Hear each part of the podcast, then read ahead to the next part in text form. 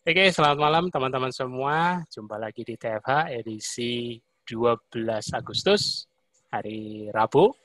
Masih bersama founder kita, Nur Agus Prasetyo, dan narasumber kita malam ini, Dr. Rianti Maharani, MSI. Selanjutnya saya serahkan ke Mas Tio. Silakan Mas. Halo, malam semua. Uh, udah berapa Mas Budi hari ini?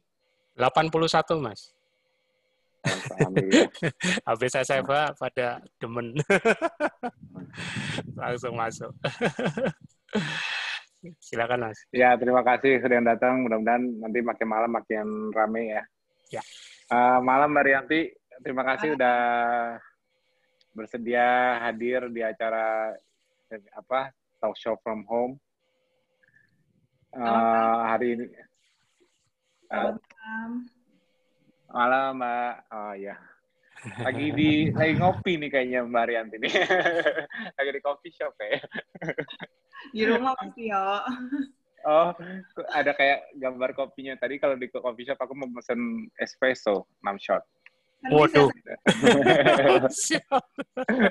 Soalnya kan abis kekenyangan makan apa? Uh, sop sop jan, janda, sop jando. Ah, Banyak tadi. ketahuan. Kayaknya. Ketahuan Dikasih penasaran. dua plastik. Belum habis tuh kenyamuan. Iya, oke. eh, malam ini kita nih mau ngobrol sama Mbak Rianti nih, mau interview Mbak Rianti seputar eh, apa? eh, pengalamannya eh, seputar KF, mulai dari tahu dari mana awalnya, terus eh, kendalanya apa, ada perbaikan apa, terus eh, tanggapan lingkungan keluarga atau mungkin sejawat dan sebagainya.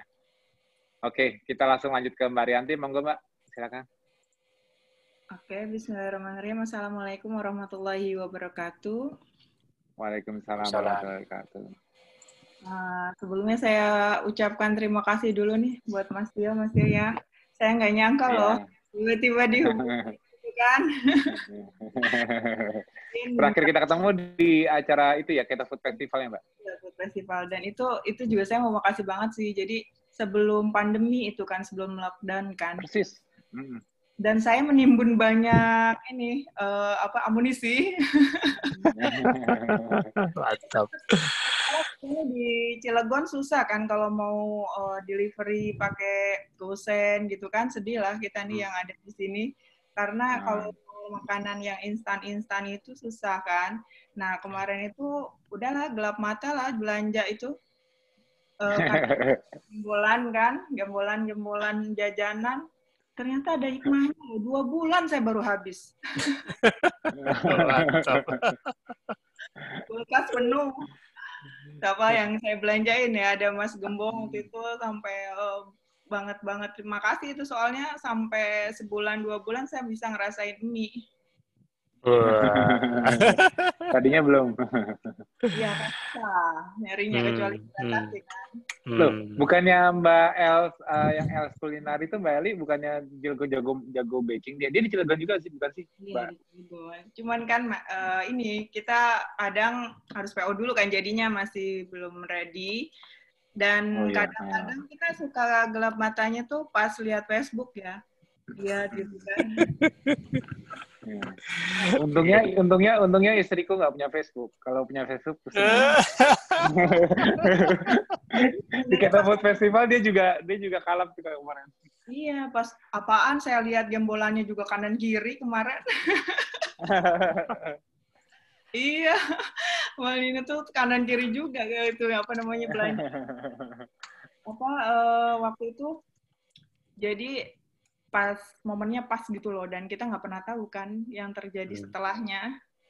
Bersyukur banget lah silaturahmi. Terusnya yang kita tuh yang kalau dari daerah terus lihat bazar-bazar itu kita juga semuanya buka bazar sama eh, Mbak Ella es kulinari kan. Cuman Hmm. Mencocokan oh ini yang di Facebook ya ini ya mereknya ini ya ini merek dan sangat populer Pinter-pinter dan acil. Makanya di Cilegon di Banten ini harus dikembangin juga nih eh, apa bakulers-bakulers di sana. Makanya kan kemarin kan pas SFH aku bilang tuh pas lagi sesinya Mbak Iko, aku malah pengennya semua daerah di Indonesia itu ready dengan eh, makanan-makanan kita fight food. Jadi sebagai anti cheatingnya karena kan uh, sekarang kan dominasinya kan hanya di Jakarta yang paling banyak ya. Aku pengennya setiap daerah kayak kayak kemarin di Jombang udah mulai berkembang. Ya karena itu sistem itu salah satunya tuh merupakan sistem support, sistem support buat para warrior. Jadi kalau hmm. kalau warrior butuh ya selain dari amunisi terutama yang yang yang makanan-makanan keto fight sebagai anti cheating juga malah untuk startup aku sarankan banyak yang mulai buka ini apa namanya catering Hmm. Kayak itu Mbak Nela Dusan tuh buka catering, terus siapa lagi yang catering Mas? Kan banyak hmm, yang yang yang sistem sih. catering gitu lah. Uh, yeah. Kemarin kedai kedai keto apa? Dua, lima empat belas. Hmm. Lima empat belas. Nah hmm. jadi hmm. model-model catering kayak gitu, aku rasa malah support yang bagus buat para newbie yang yang masih startup yang baru mulai, yang yang bingung nanya makan ini makan itu boleh nggak ini nggak boleh nggak. Akhirnya kalau yang nggak mau pusing langsung mau start dulu nyobain dia langganan catering misalnya kayak gitu. Itu kalau hmm. misalnya banyak banyak yang berkembang kayak gitu aku senang banget. Karena ya insya Allah kan rezeki juga kan maksudnya. Di zaman pandemi kayak gini kan uh, beritanya kan resesi kan di mana-mana. Jadi hmm. kalau UMKM-nya berkembang dari para warrior sendiri wah keren banget. Iya, jalan usaha ya Ya. Hmm. Tuh. Apalagi Cilegon kan jadi Cilegon kan harusnya makin banyak kan salah satunya kan banyak living proof kayak Mbak Rianti nih. Harusnya kan menginspirasi lebih banyak. Nih kayak Mbak Ade nih contohnya kemarin cerita yang SFH Mbak. Mbak Rianti kemarin nonton nggak SFH? Yang kemarin belum, belum sempat. Um, Biasanya saya lihat itunya apa uh, tayangan di YouTube kan di ini yeah. channel uh, Pak Bobi. Nah, oh. Kalau di Jam di Jambi itu Mbak Ade dari mulai start sendiri sampai udah sekarang banyak warriornya sampai dia bikin sistem support dia bisa bikin baking apa-apa belajar sendiri sampai belajar ke Jakarta untuk belajar baking. Niat di niat niatin belajar baking ke Jakarta waktu waktu itu. Sekarang ya, hmm. insya Allah uh, di Jambi juga bakal berkembang tapi intinya di Jambi udah udah bikin sistem support.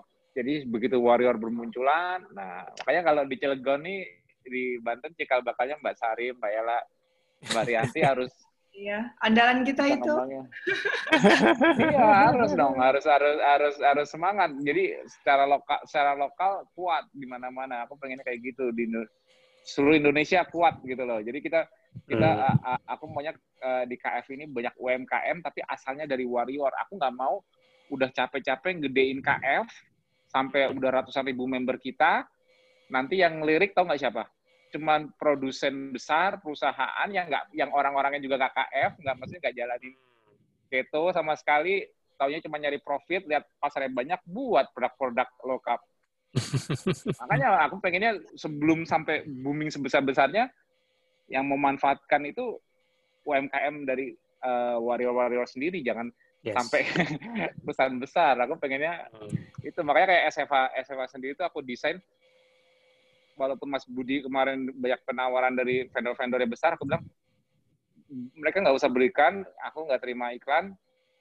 Kalau mau mau promosi barang, titip ke salah satu vendor kita, bukan dipromosi secara sendiri, mandiri, hmm. maksudnya dengan brand mereka sendiri. Promote aku nggak mau. Kalau yang kalau semua seminar buatanku, kan aku no sponsor.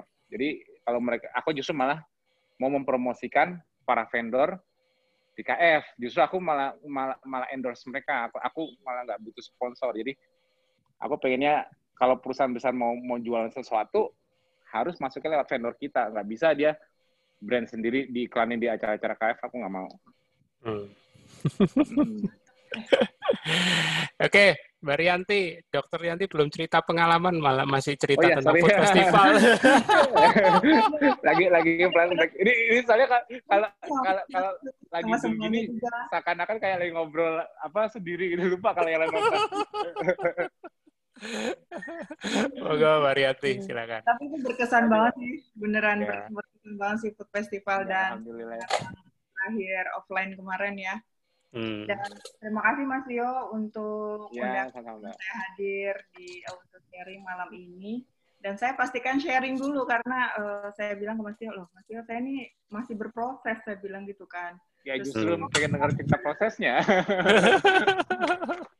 Aduh, saya bilang paling juga saya cerita ke yang dekat-dekat di sini kayak Mbak Sari, Mbak Ella gitu kan untuk bagaimana uh, kita jalanin sehari-hari dan kita kebantu banget tuh. Kita punya ibaratnya itu udah kayak support sistemnya lah teman-teman KF yang terdekat itu ya untuk saling nguatin, saling ngingetin gitu.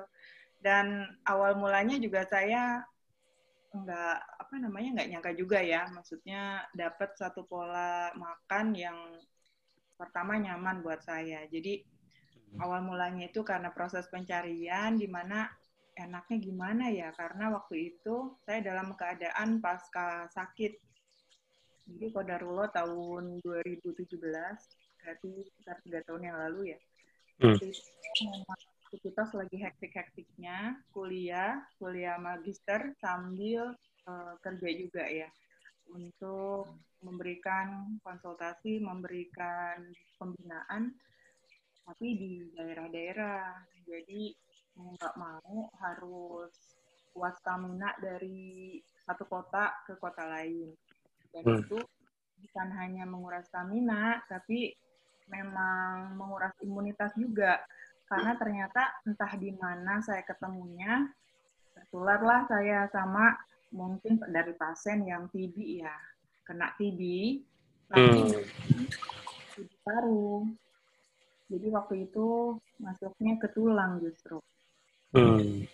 ya alhamdulillah uh, paru saya aman gitu ya. Ketika dicek parunya aman tapi ternyata tulangnya kena kuman. Juga sangka waktu itu ada keluhan tulang belakang. Dikiranya, hmm, ketika diperiksakan baru ronsen ya. Ronsen, terus kemudian lihat kok ada uh, sedikit masalah, terus kemudian direkomendasikan untuk uh, eh, MRI. Nah, ketika dikonsultasikan ke dokter sini itu MRI katanya hmm, itu seperti apa ya? Uh, tarafnya mungkin ya begitu ya. Belum ketemu tuh semula. Dan itu pun saya harus nyari sendiri kan. Saya konsul ke teman sejawat, saya konsul ke senior gitu kan. Uh, tulang hmm. saya ternyata ada abses. Nah, abses itu yang mungkin nggak terlihat oleh dokter sebelumnya. Setelah itu hmm. saya juga kaget kok bisa gitu saya kena kuman gitu kan. Padahal ya saya berusaha untuk apa tetap menjaga lah ya melindungi diri gitu kan. Dan juga ya kadang kan gimana ya dokter kena TB gitu kan kayaknya aduh uh, ya namanya musibah kan kita nggak pernah tahu gitu. Dan itu yang ngeri buat saya itu obatnya itu kan mesti uh, setahun di apa diminum. Dan hmm. ketika TB tulang ini beda sama TB paru. TB tulang ini uh, minimal 9 bulan bahkan sampai 12 bulan. Bahkan ada yang lebih jika memang uh, apa namanya belum juga sembuh gitu ya.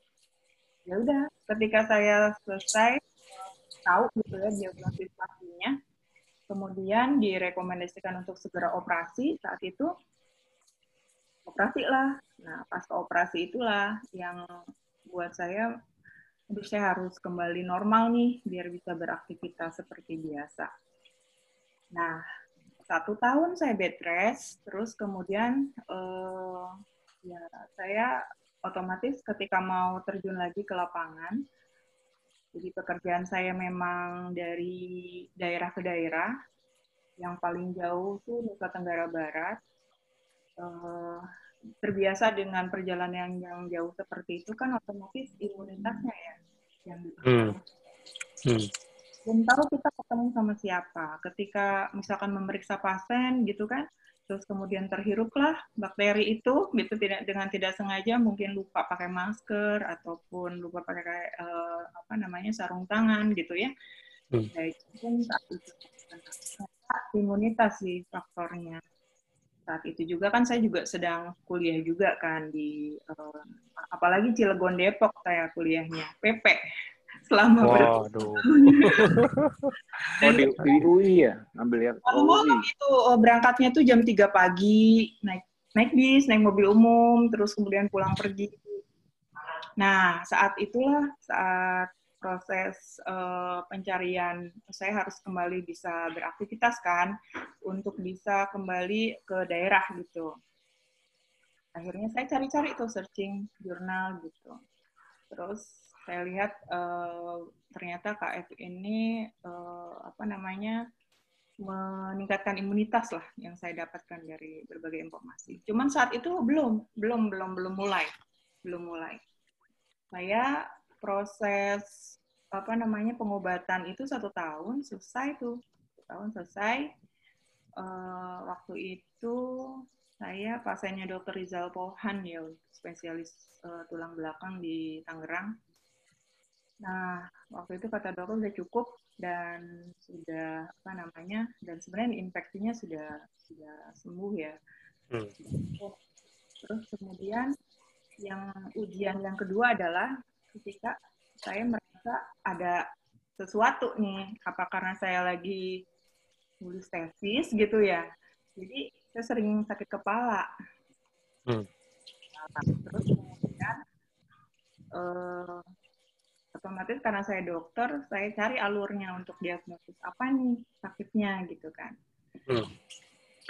Pada saat itu kan juga tidak mengira ketika dok konsul ke dokter saraf terus kemudian ya udah rekomendasi untuk MRI MRI uh, eh, kepala ya. Uh, ya sudah saya akhirnya MRI tapi saat itu hasilnya itu agak sedikit mengagetkan bahkan dokter sarafnya juga gitu.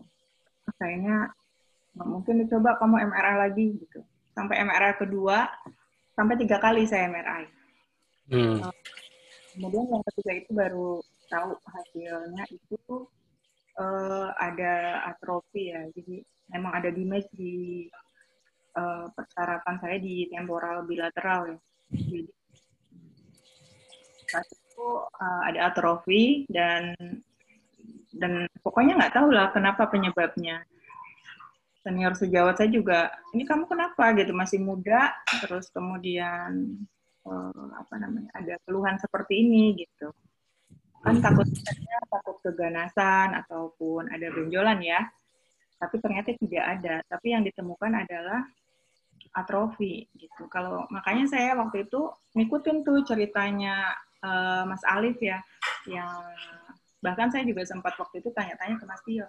Mas Tio kalau waktu Mas Alif itu gimana terapinya gitu. Kalau Mas Alif kan memang didiagnosis misalkan di situ otaknya uh, misalkan itu kosong gitu. Kalau saya mengecil gitu loh Hmm. Nah, saat itu saya akhirnya belum ketemu juga tuh jawabannya kenapanya. Terus kemudian akhirnya saya konsultasi dokter yang ada di Jogja gitu. Terus hmm. coba kamu EEG.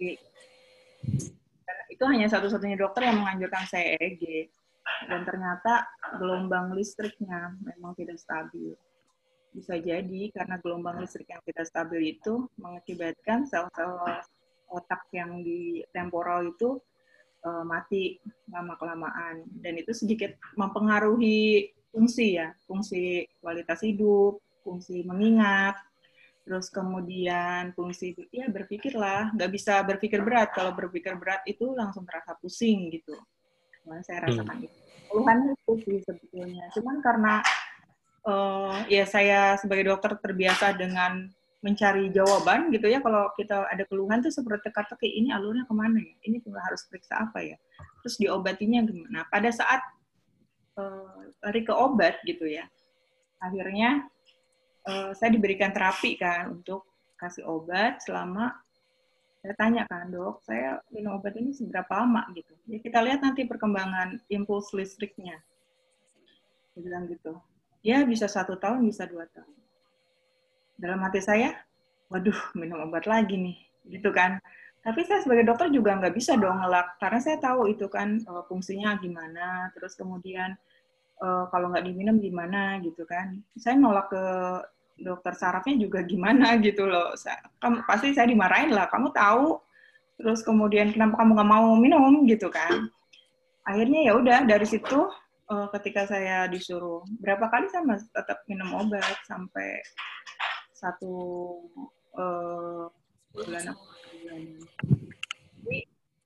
Rasa tidak nyaman ya. Mungkin ya namanya ada efek samping lah yang terasa gitu kan. Dan ketika itu saya juga sedang mengerjakan tesis akhirnya saya mundur teratur. Saya nggak mau kontrol lagi justru. Dari situlah pencariannya mulainya apa sih uh, yang bisa isinya makanan lah makanan yang bisa memperbaiki fungsi otak gitu loh. Nah akhirnya uh, dalam pencarian itu justru saya nggak cari obat. Saya putuskan udah saya nggak saya nggak apa namanya uh, mau tahu obatnya apa yang penting saya sembuh. Itu setelah pencarian lama itu saya udah menutup mata karena uh, yang diberikan adalah obat-obat yang ketika saya minum justru responnya itu nggak enak gitu loh rata-rata obat sarap gitu jadi yang dikasihkan ke saya itu obat-obat yang untuk penyakit stroke, penyakit apa namanya, hmm, pikun gitu kan. Jadi agresif banget pengobatannya. Nah saat itu akhirnya saya cari sendiri lah, berproses. Proses itu masya Allah ya, benar-benar kita harus mengosongkan eh, apa namanya pikiran ya, mengosongkan hati, mengosongkan ilmu karena semua tertumpuk di sini gitu loh, Ko Budi. Hmm, yeah. Jadi apa namanya Ko Budi? Jadi rasanya tuh hmm, saling bertentangan kan? Yeah. Informasi dari sana, informasi dari sini gitu kan. Ya akhirnya tapi itu kembali lagi saya udah bosan minum obat. Bayangin kemarin waktu obat bibi tulang aja satu tahun setengah. Hampir eh satu tahun satu tahun. Tadinya sembilan bulan kata dokter Rizal cuma nambah lagi udah tiga, tiga bulan gitu kan. Dan itu minum obatnya setiap hari gitu kan. Nah setelah itu saya harus minum obat lagi untuk keluhan yang ada di kepala saya gitu loh. Hmm. dan itu tahun bisa dua tahun itu udah makanya saya kalau misalkan ketemu sama pasien gitu ya yang dia harus minum obat tiap hari dia juga nggak mau maksudnya nggak tega gitu loh ngasihnya karena saya nggak ini terikat sumpah ya dok ya masalahnya ya. Iya, saya nggak enak gitu, nggak enak hmm. ngerasain gimana minum obat nelen tiap hari, apalagi obatnya gede-gede, segede apa namanya uh, kacang merah. Hmm. Ya, dan kebetulan juga saya memang sudah dari tahun 2013 karena saya mengambil keahlian herbal medik kan, dan saya hmm. sudah tidak praktek juga. Jadi sebelumnya praktek di klinik sendiri di daerah Ciamis tuh terus kemudian hmm. saya uh, lanjutin ke UI ngambil herbal medik saya belajar herbal karena memang ber apa berkaitan dengan pekerjaan saya sebagai konsultan herbal medik di beberapa perusahaan untuk kegiatan CSR ya corporate responsibility. Nah, uh, waktu itu saya udah nggak praktek ini ya, praktek dokter untuk meresepkan obat yang konvensional gitu. Hmm. Justru saya lebih banyak uh, belajar tentang tanaman obat, bahkan mungkin menularkan ilmu ke berbagai daerah itu tentang tanaman obat keluarga. Hmm. Terus kemudian uh, saya juga sudah nggak meresepkan uh, obat konvensional gitu loh. Terus kemudian ya yang saya resepkan sekarang, misalkan nih temulawak kan, temulawak. Kalau misalkan kita mau ngeresepin nih secara pengobatan tradisional, kita tulisnya nama latinnya curcuma santoriza berapa gram gitu. Itu yang saya lakukan. Hmm.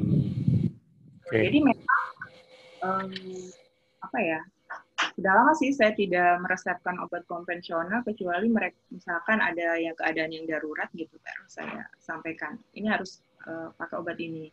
Silakan cari. Saya cuma rekomendasikan aja. Hmm. gitu. oke. Okay. uh, itu sekilas tentang pencarian. Karena ini pencarian ya. Karena benar-benar ini dari awal gitu. Baiknya bagaimana terus kemudian ini jurnalnya gitu kan. Terus kemudian benar nggak itu bisa memperbaiki sel-sel saraf saya. Dari situ saya belajar, belajar, terus kemudian saya juga ketemu sama orang-orang yang mungkin ada latar belakang yang sama, ada masalah di kepala gitu ya. seperti uh, Ciketi, saya kenal baik, bahkan itu mungkin mentor saya pertama berawal dari order apa di Shopee, terus kemudiannya itulah enaknya orang KF ya. Jadi hmm. itu tiba-tiba uh, terjalin aja dan itu justru mentor saya yang pertama. Kemudian saya dikenalin tuh sama Mas Tiko. Ya, Mas hmm. di grup Telegram kan. Nah, Mas Niko itulah yang bilang kalau di Cilegon itu ada seminar loh katanya gitu. Nah, hmm. pertama Tio sama Pak Budi pasti banget ya penjelasan. Oh, makanya saya banyak nanya waktu itu. Iya, ingat aku di Cilegon kita baru ketemu iya. banyak nanya hmm. tahun berapa itu ya? Tahun dua tahun yang lalu mungkin ya? Kayaknya lupa lupa inget tapi itu di Cilegon pertama sih memang. Pertama hmm. dan belum ada lagi kayaknya. Waktu itu aku datang juga kalau nggak salah. Iya mas ada datang. Mas Tio juga ada datang. Bong ya kan? Ah, ah. oh juga kenal beberapa uh, yang ikut bazar juga Kemudian itu kalau nggak salah dua minggu saya uh, udah mulai tuh mulai mulai dengan mem, me, apa namanya menseriuskan gitu ya setelah sebelumnya itu dia apa baru belajar kan terus hmm. tapi yang serius itu ketika memang ada mentor gitu hmm. nah saat itu saya bahkan dites tuh GDP-nya oh udah 65 dok nah, berarti serius kan gitu Eh. kalau pas ada GDP uh, eh, cek di sana kan? Terus oh iya benar 65 nah dari situ saya belajar terus kemudian banyak dapat informasi langsung terus konsultasi langsung juga kan. Hmm. dan itu masih berproses. Saya benar-benar merasakan jatuh bangun nih membiasakan diri dengan lifestyle KF ini. Jatuh bangunnya kenapa? Ya ya betul ya berbenturan dengan kebiasaan kita, terus pekerjaan juga. Bayangkan saya uh, kalau keluar daerah harus bawa amunisi gitu kan ya dengan segala perlengkapannya taruhlah untuk satu minggu gitu. Kadang kan, kan di tengah jalan udah habis. terus tuh habis itu ditawarin kan kuliner-kuliner Nusantara yang yang beragam gitu kan kadang di situ gitu kan lagi imannya kuat kalau lagi di jalan gitu kan. Pokoknya perjalanan kayak kemarin tuh satu minggu ke Luwu Timur. Luwu Timur itu yang sekarang Mas Ambas Luwu Utara lagi banjir. Uh-huh. pas, pas waktu lagi banjir itu saya lagi di perjalanan. Jadi setelah banjir itu kena oh. kena uh, uh, jalannya itu ke ini kan macet gitu kan karena dialihkan karena banjir itu akhirnya saya de perjalanan dari Sorowako Luwu Timur sampai Cilegon itu 30 jam. Hmm. Dari semalam lebih kan dan itu itulah tantangannya tantangan berKF. Jadi kalau misalkan ya saya nyarinya contoh ya entah bagaimana bumbunya entah bagaimana ya pokoknya sedapatnya kan saat itu. Terus hmm, hmm, hmm, rebus udah kayak sudah lah pokoknya kalau udah dapat yang bisa uh, keto friendly ya. Cuman kalau yang itu nggak ada makanan lain mau bagaimana ya puasa palingan kalau kuat hmm. gitu. Nah, pas waktu di sana itu sampai satu minggu saya menghabiskan dua kilo telur sendiri. Luar biasa. Lanjut. Suka dukanya begitu sih kalau uh punya pengalaman ya itulah jatuh bangun uh, Pak Budi dalam uh, berKF ini. Hmm, Sampai akhirnya hmm. ya ada di sekitar yang menguatkan ya ada Mbak Sari tuh. Ya. Kalau buat kita tuh polisinya tuh di sini. Ketahuan deh Mbak Sari. polisinya. Perbaikannya apa aja Mbak yang dirasakan? Ya, perbaikan yang dirasakan apa tuh?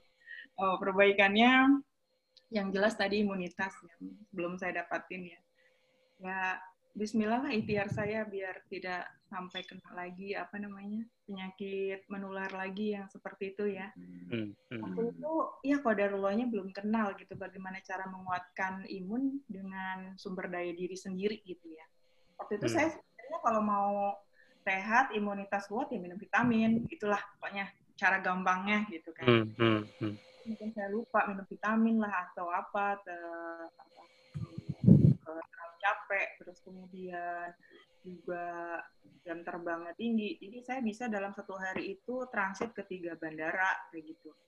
Hmm. Itu melelahkan sekali. Bahkan dari bandara itu ke lokasi uh, lokasi pelatihan itu bisa sampai 6 jam, 7 jam gitu. Hmm. Sekarang okay. itu misalkan uh, sudah KF merasakan tuh stamina. Alhamdulillah gitu. Uh, Allah gitu uh, keluhan-keluhan yang biasa dulu dirasakan kayak sering batuk. Alhamdulillah dengan izin Allah tuh jarang gitu loh, jarang di jarang dirasakan lagi. Terus kemudian yang paling yang paling saya rasakan sih waktu kan mulai KF itu bulan Desember ya sekitar November Desember lah tahun hmm. 2000 waktu Cilegon seminar itu berarti tahun 2018 mungkin. Hmm, betul. Tahu uh, Februarinya itu alhamdulillah saya umroh tuh sama orang tua ya. Tapi udah KF kan, udah dalam kondisi ketosis, Allah. Terus kemudian waktu itu saya berbekal IH uh, IH aja kalau nggak salah. Terus kemudian di sana, uh, alhamdulillah nggak pernah uh, pilek atau batuk. Padahal orang tua saya itu ini panas tinggi gitu loh. Dan hmm. jamaah itu semuanya pilek batuk batuk kan. Pulang-pulang saya masih kayak uh, biasanya kan ada oleh-oleh kan oleh-oleh umroh tuh yaitu batuk pilek terus kemudian demam suara serak ini tuh kan nggak kayak biasa aja gitu ya masya allah ya saya rasain oh bedanya ini stamina gitu loh jadi hmm. Banget sih. Begitu juga yang uh, uh, tahun berikutnya saya ngerasakan saya membuktikan juga nih bener nggak ya? Gitu ya. Ternyata bener loh. Saya ketika pulang itu kalau dari sana nggak ngerasain uh, apa namanya batuk pilek lagi sama uh, apa namanya demam kayak gitu. Penyakit penyakit infeksi itu uh, alhamdulillah menjauh gitu ya. Hmm. itu gitu. Dan, dan yang saya jadikan modal buat bekerja uh, ini ya apalagi di kondisi yang lagi pandemi seperti ini ya itu berasa bukan cuma mitos gitu kan kalau ternyata dengan kita kondisi ketosis benar-benar memperbaiki imunitas gitu dengan diri sendiri ya diri sendiri hmm. memperdayakan diri sendiri gitu. Uh, nggak harus selalu minum vitamin ini itu saya rasain banget itu stamina stamina apa namanya kondisi fit jauh dari penyakit infeksi gitu ya. Bahkan kemarin e, untuk pertama kali penerbangan setelah pandemi itu ke Makassar. Makassar e, zona merah ya bahkan mau ke hitam gitu ya. Dan di sana hmm. betul lagi banget. Tapi mau bagaimanapun saya harus ke sana karena sudah lama berbulan empat bulan kelompok binaan saya ibu-ibu kelompok herbal di sana udah nunggu nih. Saya nunggu pandemi ini sampai kapan? Tapi kan peraturan sudah mulai dilonggarkan uh, ya. Jadi ya udah Bismillah saya pakai APD seperlunya. Saya juga aduh gimana ya ke teman-teman gitu saya harus pergi nih. Bismillah lah dok. Dokter kan puasa juga kan sering puasa. Iya memang akhir-akhir ini uh, ketika pandemi itu betul-betul saya menguatkan diri dengan fastingnya ya. Bahkan hmm. saya pakai aplikasi fasting tuh intermittent fasting bisa sampai uh, omat aja puasa tuh sampai 23 jam gitu. Hmm. Makan cuma kadang satu kali itu satu jam gitu terus puasa lagi. Itu bisa berapa hari. Terus kemudian juga rutinkan juga puasa sunnah gitu ya. Hmm siapa tahu itu jadi wasilah gitu dan memang sebetulnya motivasi saya untuk tetap berKF itu adalah pengen gampang melakukan puasa hmm. karena biar nggak hmm. biar puasa itu ya, gampang aja gitu isi going gitu mesti nggak gampang nggak nggak gampang mas terus kemudian nggak gampang capek gitu hmm. itu sih kalau lagi namanya iman itu kadang naik turun ya kan lihat makanan sana sini pasti ada kabitanya lah kalau orang Sunda bilang kan. Tapi balik lagi ya. Bagi bilang kalau misalkan uh, saya berKF ini untuk apa gitu. Saya ngerasa nyaman. Nah hmm. yang saya cari itu nyamannya. Kok hmm. Hmm. orang feeling. Mungkin teman-teman kalau kenal metode Tiffin ya mengenal genetik saya tuh feeling itu orangnya yang penting nyaman mau gimana hmm. metode terus gimana pun kalau dia nggak nyaman ya udah biar Iya, kan? betul, betul. Nyaman, nyaman. Kalau misalkan kita ngelakuinnya enjoy, nyaman, saya terusin. Kalau misalkan meskipun saya tahu itu baik, nggak nyaman, ya susah. Susah untuk nah, terus yang itu, uh, riwayat yang tadi dokter sempat cerita tentang atrofi itu, ada sempat cek lagi atau gimana? Uh, tapi saat saat itu kan pada proses pencarian ya. Hmm waktu itu saya ada fasenya di mana saya disibukkan dengan why, kenapanya. Oh, oke. Okay. Jadi, uh, benar-benar menyita waktu, menyita pikiran. Jadi yang saya browsing itu semuanya benar-benar kan itu kan menyita waktu banget kan. Kenapa hmm. Ini uh, segala macam. Terus sampai akhirnya ya itu kan kayak ujian benar-benar penerimaan diri ya. Maksudnya kita mau nerima apa enggak gitu lah. Nah, pada saat itu uh, saya udah kayak pengen melupakan itu yang keluhan-keluhan saya itu. Oh, oke. Okay. proses cure-nya uh, untuk meningkatkan kualitas hidup dengan ya ini dia dengan ikhtiarnya kan, ikhtiarnya yang pertama banyak puasa, terus kemudian uh, dengan pola makan KF yang buat saya nyaman dan ternyata saya punya banyak perbaikan kualitas hidup, ya kan? Hmm. Berpikir tidak langsung pusing gitu, terus kemudian kalau apa makan juga nggak kembung. Biasanya saya gampang banget kembung di perut. Jadi happy tummy, happy apa? Ada tummy, happy life. Tapi ini luar biasa ya, maksudnya uh, yang tadi barusan disampaikan Dokter Yanti ada satu statement bagus tuh. Jadi eh, kadang memang butuh sih afirmasi eh, bahwa oh ya saya sudah di jalan yang benar dengan dengan apa eh, melihat parameter hasil apa itu MRI yang membaik, hasil lab yang membaik. Tapi yang dilakukan Dokter Yanti ini juga lompatan iman loh. Terlepas dari apa pun faktor drivennya ya, misalnya nanti kalau ya kalau membaik, kalau nggak membaik nanti kalau lagi. Mungkin mikirnya gitu. Jadi fokusnya kalau aku tangkap sepertinya berfokus udah ini nyaman. Dan ini memang uh, dari hasil-hasil uh, kecil seperti misalnya sudah tidak gampang batuk pilek terus kalau mikir berat juga sudah nggak pusing lagi. Hal-hal kecil kayak gitu mengafirmasi nah itu itu lompatan iman yang di mana Mbak Rianti lebih eh, mulai per, lebih percaya pada tubuhnya sendiri hasilnya sih itu. Lanjut Mbak. Ini ini bakal bakal menarik terus ini. Satu sisi lain. Uh, ya, ini benar-benar murni jadi sama saya mungkin jalannya jalannya Allah untuk menggiring saya ke sini gitu loh ya. Saya nggak pernah tahu gitu dan dan itu sebetulnya benar-benar kebentur dengan itu tadi betul itu uh bisa sampai ke situ tuh dengan cara yang dahsyat banget lah pokoknya. nggak mesti itu nerima gitu loh ya, karena beda loh kualitas kualitas hidup saya tuh beda sebelum dan se, sebelum sakit da, dan setelah sakit gitu ya. Jadi ya kemampuan mengingat ya begitulah lebih ke fungsional otak ya. Jadi bukan ke uh, alhamdulillahnya bukan fungsi motoriknya yang terganggu, tapi justru fungsi yang nggak kelihatan gitu loh. Ah.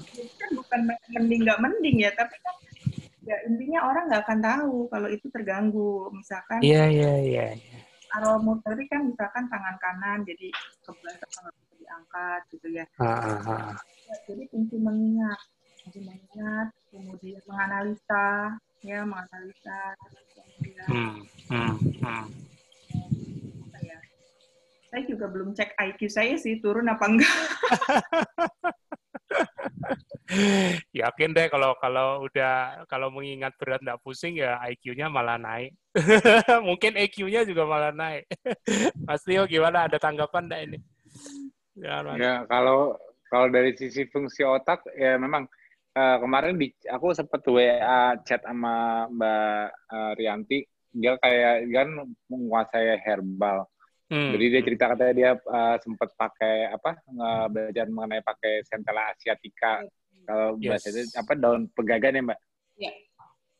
Nah itu Alif Alif dulu juga awalnya aku aku nggak pernah cerita ini sih dulu kan aku aku kan yang orang pada tahu kan orang cerita kan aku beli bovine myelin. Yeah. Maksudnya bovine myelin itu kan karena dulu kan belajarnya kan dari awalnya Alif itu kan dari myelin karena dia mengalami demyelinasi.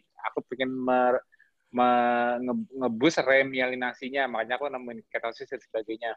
Tapi juga ada suplemen-suplemen yang aku kasih ke Alif, salah satunya Centella asiatica, karena dulu fungsinya Centella asiatica itu, jadi kalau kalau karena dulu diagnosisnya demyelinasi, sama sih sebetulnya kalau Mbak sampai terjadi atrofi, itu berarti ada ada ada something yang yang yang sifatnya merusak dan itu biasanya oksidatif stress. Hmm. Nah, hmm. oksidatif stress yang tinggi ini, oksidatif stress yang tinggi ini uh, dulu uh, aku juga kan sempat belajar herbal juga, maksudnya tapi mungkin nggak sampai kayak Mbak, cuma kan dulu kan belajar nyari-nyari namanya buat anak ya, nyari buat. Iya, yeah, iya. Yeah. Salah satunya aku dapetin Central Asiatica. Ya, aku cari cari dulu cari serbuknya campur di makanan Mas Alif. Karena karena uh, sifat Central Asiatica itu dia uh, antioksidan kemampuan untuk memicu antioksidatif di otaknya tinggi. Hmm. Maksudnya hmm. Hmm. kalau kita kita bisa menekan jadi aging otak itu kan selalu aging kan. Ya. Jadi kayak kita makin lama kita menua kan kita kan otak kita kan lama-lama jadi pikun. Jadi itu sebetulnya secara nggak langsung juga ada sedikit pengecilan. Tapi intinya intinya intinya kalau kalau sampai ada satu penyakit berarti kan terakselerasi. Nah, cara hmm. untuk menurunkannya itu ialah menurunkan oksidat, oksidatif stres di sel-sel otak. Nah, ketosis itu jawaban ter, paling terbaiknya karena ketosis itu menurunkan oksidatif stres di otak itu tinggi. Nah, kalau dulu aku kan mempelajari sentral asiatika, tapi kan aku dari sisi biomolekulernya, maksudnya uh, efeknya dia untuk apa uh, memicu apa sih kalau nggak salah aku kok jadi lupa katalas. Jadi ada ada enzim katalas yang untuk untuk apa uh, eh, GSG, GSH yang penghat yang untuk untuk penetral oksidatif stres itu katalas itu uh, menghasilkan untuk untuk memproduksi glutation di otak. Jadi hmm. menjaga agak agak jadi jadi uh, oksidasi di otak itu yang sifatnya di neuron saraf itu ya kalau oksidatifnya oksidatifnya tinggi, tinggi hmm. nah, itu kan efeknya kan jadi kan banyak damage juga ya, itu juga memicu rusak. agregasi uh, memicu agregasi protein juga bisa memicu kerusakan neuron. Nah, hmm. jadi sifat oksidatif stres di otak itu uh, dulu aku pelajarin sentral asiatica dari biomolekulernya bekerja di sistem oksidatif stres. Aku aku nggak tahu kalau yang Mbak Mbak Rianti pelajari sisi apanya. Kalau aku dulu belajarnya itunya. Karena aku kan dulu kan lebih ke arah biomolekuler soalnya kan. Karena aku kan hmm. nyari nyari rahasianya tuh di mana kan dari dari sel kan. Hmm. Nah, jadi aku sempat sempat pakai itu untuk wasalif juga. Tapi ya intinya harusnya sih kalau yang aku bayangkan karena sifatnya antiinflamasinya tinggi, hmm. sifatnya juga anti seizure ketosis itu, Betul. Harusnya sih, harusnya sih Mbak merasanya kalau lagi udah nggak sering pusing berat, ya mungkin kadang-kadang ada fluktuatif. Terutama kalau lagi keletihan, kecapean atau kurang tidur mungkin masih bisa muncul. Hmm. Hmm. Karena kan, karena kan mungkin sudah ada, ada, ada karena udah ada atrofinya kan. Tapi hmm. intinya, uh, kalau menurutku sih untuk untuk kerusakan lebih lanjutnya intinya udah keritat, maksudnya ketahan harusnya makanya aku bilang tadi kualitas hidupnya kan jadi meningkat. Kenapa? Kemampuan mengingatnya jadi lebih baik, tidak sering sakit kepala lagi. Kalau dulu kalau sering sakit kepala kan juga hubungan juga dengan lambung biasanya. Lambung bermasalah, kepalanya juga sakit. Hmm. Nah, sekarang dua-duanya beres. Hmm. Maksudnya kualitas hidupnya meningkat itu dari sisi itu, ya itu aku bilang bagus itu perubahannya perubahannya dari sisi apa neurologinya bagus, dari sisi fisiologinya juga bagus. Maksudnya dia tidak tidak lagi apa gampang mual, gampang masuk angin. Dan yang terutama ya jelas dari sisi imunitas itu jelas uh, perbaikannya. Makanya kan aku kan menggadang-gadangkan ketosis di kondisi pandemi ini kan karena itu. Karena ribuan orang yang ketosis tahu mereka semua sudah tidak gampang sakit seperti dulu. Sangat bagusnya untuk imunitas itu. Makanya kan aku kasih ya kalau ketosis mungkin kan karena karena orang taunya itu diet kita diet keto jadi kan banyak yang antipati makanya aku kasih nama metabolic conditioning yes. mengkondisikan metabolisme untuk siap menghadapi pandemi itu seperti hmm. itu maksudku hmm. sebetulnya sih intinya intinya sih KF intinya yang dilakukan itu ya KF karena karena membuktikan hmm. bahwa bahwa gimana kita bisa menekan inflamasi di tubuh gimana kita bisa membuat imun kita responnya lebih cepat mencegah infeksi-infeksi kelihatan semua kalau udah ketosis. Itu itu rahasianya sih emang. Betul, betul. Oke. Okay. dapat insight juga nih, dapat ceritanya dari Mas Tio. Ada juga awal-awal ya sebelum ketemu ketosis mencoba juga iya. herbal. Iya, betul. Iya, karena kan duluan aku kan ya, ya, ya kalau yang kalau yang untuk sampai aku ketemu ketemu KF memang uh, mialin. Tapi dulu aku mencoba macam-macam Mas ada ada dulu ganggang hijau biru namanya aku lupa saatnya. Iya benar, ada namanya gagang hijau hijau biru. Mungkin Mbak uh. Yanti mungkin pernah dengar kayak kayak semacam gagang hijau biru itu dari luar itu fungsinya uh, uh, memicu apa uh, sirkulasi CD, CD hematopoietik CD34 sel. Harapanku itu dulu dengan di trigger sirkulasinya itu bisa memberikan apa stem cell untuk repair walaupun nggak secara teoritisnya nggak mudah untuk merepair ah. something kalau nggak ada homing signalnya. Jadi gini, contohnya seseorang uh, menginkubasi mem memberikan stem cell stem cell yang benar-benar stem cell yang di, dibiakan gitu, maksudnya benar-benar stem cell asli gitu, misalnya dari dari apa uh, placenta atau stem cell dari manusia benar-benar dari bayi gitu. Hmm.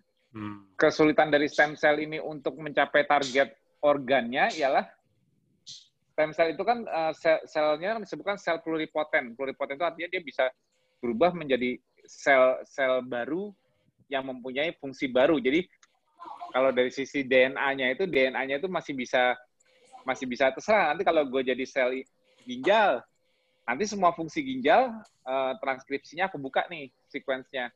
Jadi aku bisa hmm. menjadi sel ginjal. Oh, aku menjadi sel jantung. DNA aku jadi DNA-nya itu masih bisa masih bisa pluripoten, masih bisa gue mau dijadiin bagian dari sel apa nih masih bisa itu namanya stem cell. Makanya dia sifatnya hmm. pluripoten. Jadi kalau dia dia dia dia dia homing homing itu datangnya karena suatu signal dia homingnya ke lokasi tersebut untuk menggantikan sel yang rusak di situ, dia akan akan mimik menjadi fungsi sel tersebut dengan sequence DNA yang dibukanya sesuai fungsi di lokasi itu.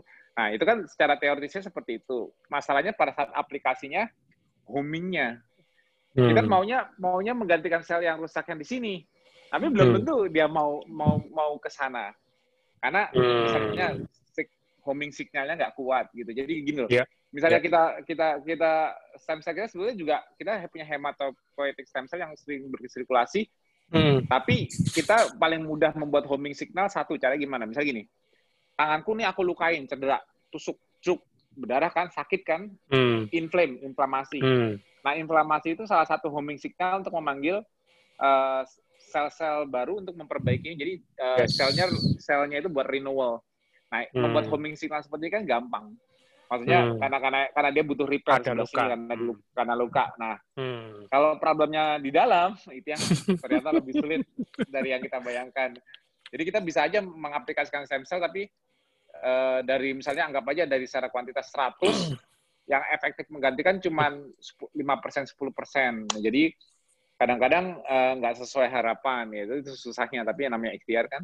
Nah, jadi hmm. dulu aku aku dulu uh, menggunakan uh, ganggang hijau biru itu untuk meningkatkan uh, sirkulasi CD34-nya itu. Tapi efek efeknya itu karena, karena karena sirkulasi repair itu terjadi saat tidur, yang aku lihat dulu dari Alif tidurnya jadi jadi jadi nyenyak. Jadi kalau habis aku kasih itu kayak tidurnya pulas banget. Ya memang memang segala repair perbaikan terjadi pada saat tidur. Makanya aku sangat kalau kita ada problem penyakit apa pun itu, kalau kita mau bagus repairnya, rejuvenasinya, terapinya, tidur itu diutamakan. Kenapa? Karena semua repair itu terjadi saat tidur. Jadi pada saat, hmm. saat, saat pada kalau kalau kita tidur, uh, optimal optimalnya sel-sel kita melakukan repair, perbaikan itu terjadi. Salah satunya homing signal tadi, kolokasi yang perlu diperbaiki karena dia karena tidur itu kondisi di mana tubuh itu melakukan segala jenis perbaikan. Jadi kalau pesanku sih mungkin kalau buat ke Mbak Rianti, optimalnya itu nanti benar-benar puasanya bagus itu ya, jadi sering puasa bagus tapi aku nggak tahu tidurnya ada masalah apa nggak berusaha tidur 6-8 jam karena itu pasti perbaikannya ke otak jauh lebih hmm, lebih signifikan lagi bagus lagi begitu hmm. maksudnya meningkatkan kualitas tidurnya gitu kan betul betul Mateo kalau saya tidur itu misalkan di jam 12 ya karena satu hal gitu uh, jam 12 hmm. itu besoknya langsung sakit kepala artinya hmm jadi mengenali gitu ya. Tapi kepalanya tuh, uh, gak nyaman banget lah pokoknya. Keras, beda, beda, beda, beda sama migrain, beda sama. Jadi kayak otak itu kayak dicengkram gitu. Itu cuman gara masalah tidur. Jadi makanya pilar BKF ini cocok untuk di, diaplikasikan. Ini cocok untuk saya karena saya nggak boleh kurang tidur gitu. Mungkin juga di saat kurang tidur itu aktivitas impuls saraf juga tambah aktif kan gitu kan. Betul. Dan itu yang membuat uh, tambah kerusakannya tambah parah lagi nanti. Yes. Jadi hmm, betul. tadi ke Budi bilang, terus gimana dok untuk mengevaluasi? Udah dievaluasi belum? Ya saya mengevaluasinya dari keluhan yang ada gitu loh. Hmm. Kalau lupa sama keluhannya, berarti oh kayak ada iklan tuh. Tapi kepala. Udah lupa tuh. Udah lupa tuh. lupa tuh itu mungkin ya. Jadi mau mikirin. Kalau saya lihat ingat-ingat lagi gitu ya, ingat-ingat lagi yang sebelum-sebelumnya, ya kesulitan saya untuk mempertahankan kualitas hidup itu menjadi daily itu daily apa namanya activity itu perjuangan perjuangan banget untuk uh, ketika waktu itu lagi kerasa banget gitu ya lagi parah-parah. Hmm apalagi waktu itu saya lagi ada stres berat juga kan untuk tesis uh, udah dikejar deadline banget gitu loh. Nah saat itu bahkan saya sampai ganti tiga kali atau empat kali judul berubah judul gitu loh karena hmm. kemampuan menganalisis juga kurang gitu ya ketemu sama prof ini langsung dicecar nggak bisa jawab gitu kan ketemu sama udah gitu ganti judul kan biar ganti pembimbing ketemu lagi gitu kan dicecer lagi nggak bisa jawab gitu. Saya sampai nangis itu di apa di, di depan. Nah, terus? Ketika saya ingat itu oh berarti kualitas hidup saya semakin sini alhamdulillah semakin baik. Dengan tidak bertambah parah aja udah alhamdulillah banget gitu ya bersyukur gitu loh untuk tidak menambah hmm. gitu apalagi bisa memperbaiki bisa uh, optimis gitu ya. Karena saya lihat ya tadi ikhtiarnya betul saya sudah cerita kemarin sama Mas Tio saya terapinya ya udahlah Mas Bismillah. Dengan terapi uh, puasa dan pola uh, KF ini pola makan KF jadi gaya hidup gitu ya. Dengan segala macam pilar di, di aturan pilar-pilar KF itu ya tidur teratur terus lainnya ya udah saya laksanakan itu siapa tahu itu jadi wasilah kesembuhan ditambah lagi ilmu yang saya tahu herbal yaitu pegagan ya centella asiatica hmm.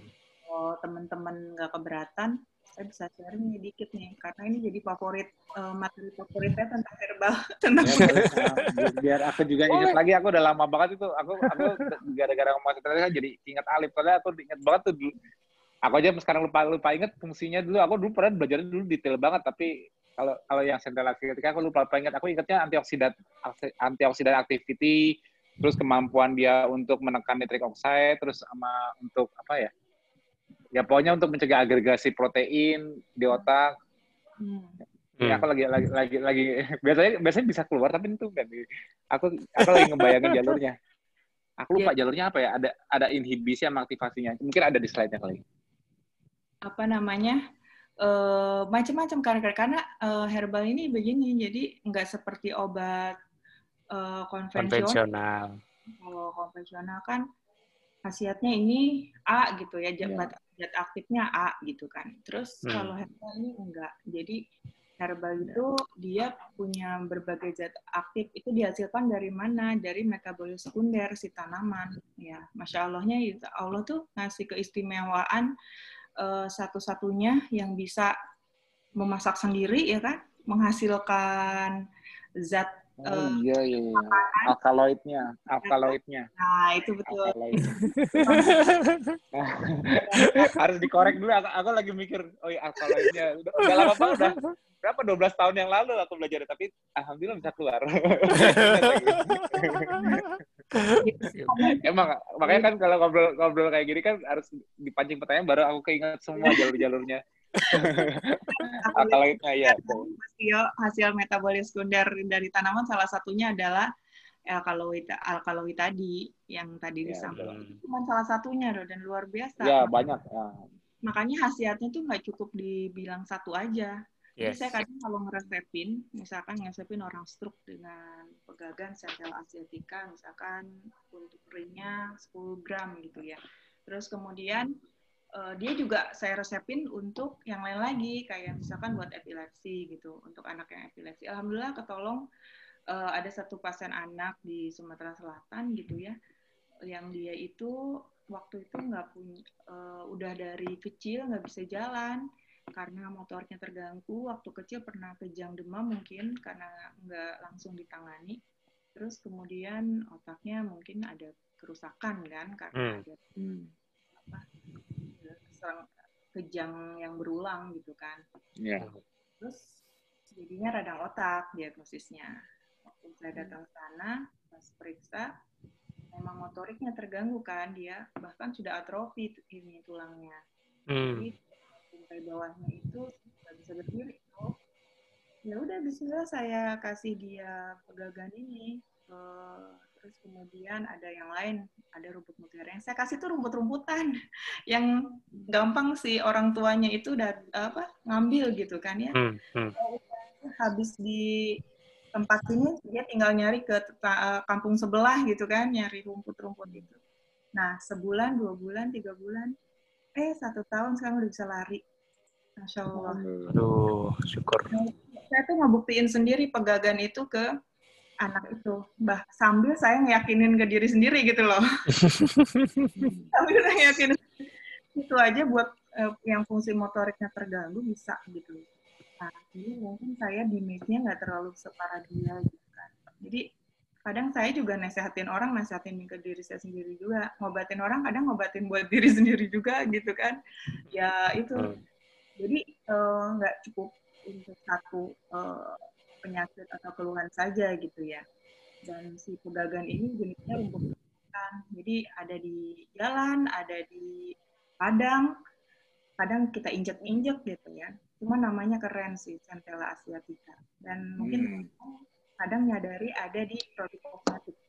Karena memang dimanfaatkan uh, untuk kosmetik dan juga jadi kalau teman-teman mungkin ini uh, tertarik dengan ilmu herbal, herbal herbal ada dua, ada untuk mediknya, untuk medisnya, ada untuk estetiknya gitu. Kalau untuk estetik lebih ke produk-produk kecantikan ya, dan penelitian teman-teman yang estetik ini, bagan ini buat krim anti selulit. Hmm. Jadi yang mungkin uh, ibu-ibu nih yang dulunya gemuk, terus kemudian sekarang langsing nih dengan KF, terus kemudian ada Uh, lukisan-lukisan bergambar di daerah Tungkai bawah itu bisa hmm. tuliskan uh. banyak di apotek ataupun produk-produk yang udah ternama ya. Jadi itu ada namanya Centella asiatica. Jadi kenapa kita kadang harus paham bahasa Latin uh, dari herbal itu karena si produk itu pasti mencantumkannya nama Latinnya gitu.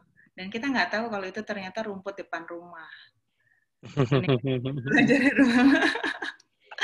Jadi kandungan pegagan itu ada alkaloid, terus kemudian ada flavonoid, ada steroid, terpenoid, ada saponin. Nah, itu hmm. Nah, ada namanya kandungan asiatikosid ya yang ada di pegagan itu. Nah, dia fungsinya menguatkan perbaikan dan penguatan sel-sel kulit. Nah, yang tadi saya bilang bahwa si pegagan ini memang untuk kulit juga gitu. Hmm. Jadi sambil kita sambil saya obat, saya sambil minum obat juga untuk perbaikan sel otak juga sekalian uh, menghaluskan kulit juga gitu kan kan hmm. uh, kali tiga uang ya apa namanya tuh terus kemudian uh, dia menstimulasi pertumbuhan kulit, rambut. Nah, teman-teman yang KF sudah lama ataupun yang baru yang mengalami misalkan kerontokan, nah bisa tuh. Itu juga salah satunya untuk uh, mengurangi kerontokan rambut. Jadi memang dia menstimulasi pertumbuhan. Yang tadi betul kata Mas Tio ya, uh, bahwa si uh, sentel asiatica ini memang bagus untuk perbaikan si sel-sel termasuk sel otak gitu. Hmm. Ini juga anti bakteri ya kan alkaloidnya bisa untuk itu. Terus saponin juga akan menghasilkan efek pereda nyerinya. Makanya ketika ada orang yang sakit kepala, saya uh, resepnya itu pegagan. Coba dia rebus hmm. Kalau memang nggak mau obat gitu ya. Yang resepnya. Dahsyat. sedikit pertanyaan. Uh, waktu jalanin KF, pergumulan terbesar atau apa istilahnya Eh, tekanan terbesar mungkin kalau aku mencoba menduga mungkin tekanan terbesar dari diri sendiri ya. Tapi mungkin bisa di-share uh, uh, biasanya dari mana? Apakah dari orang terdekat yang di rumah atau dari rekan sejawat? Sedikit di-share dok, monggo. Ya kalau tekanan yang saya alami sih tekanan secara nggak langsung ya, nggak ada intimidasi segala macam nggak ada sih. Udah hmm. ada lebih tepatnya. Oh,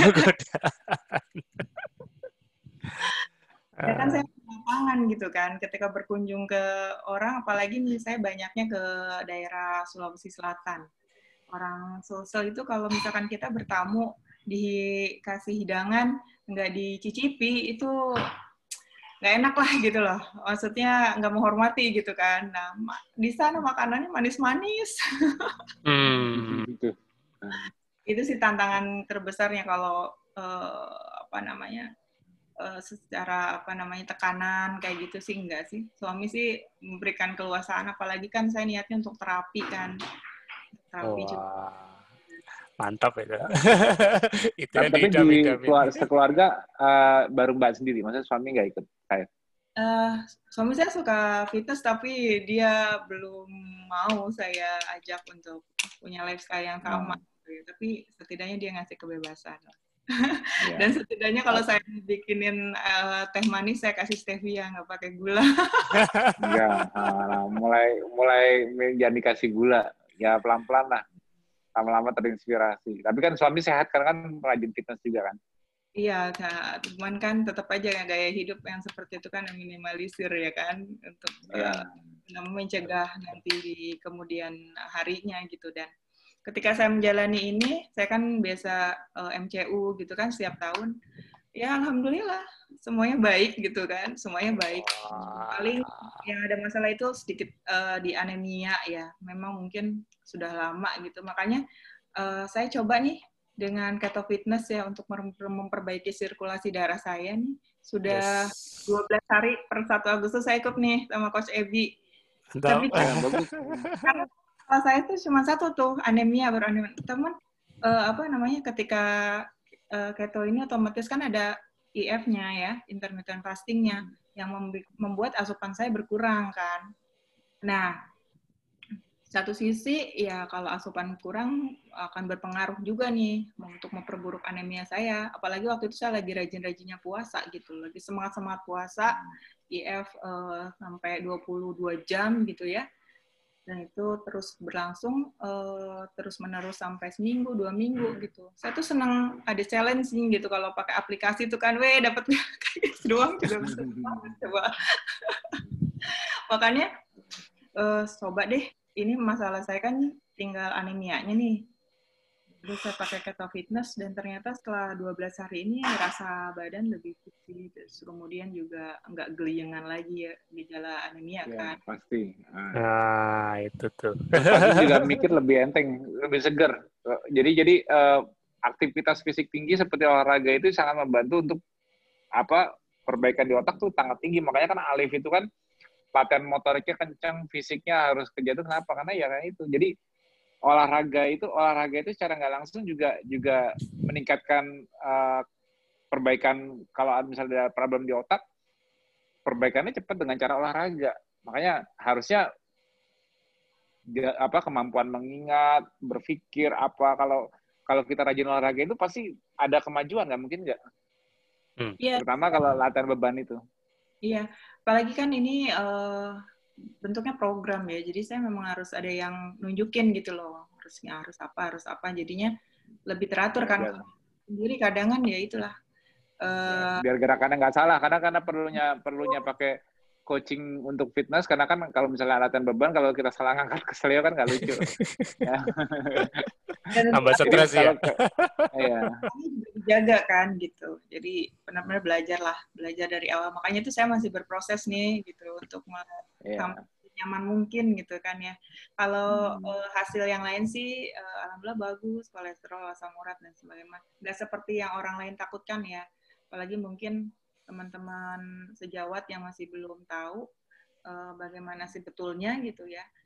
Mungkin mereka baru kenal dari apa namanya sekilas-sekilas aja takut karena nanti kolesterolnya gimana, nanti asam uratnya bagaimana. Ternyata setelah saya jalani semuanya baik-baik.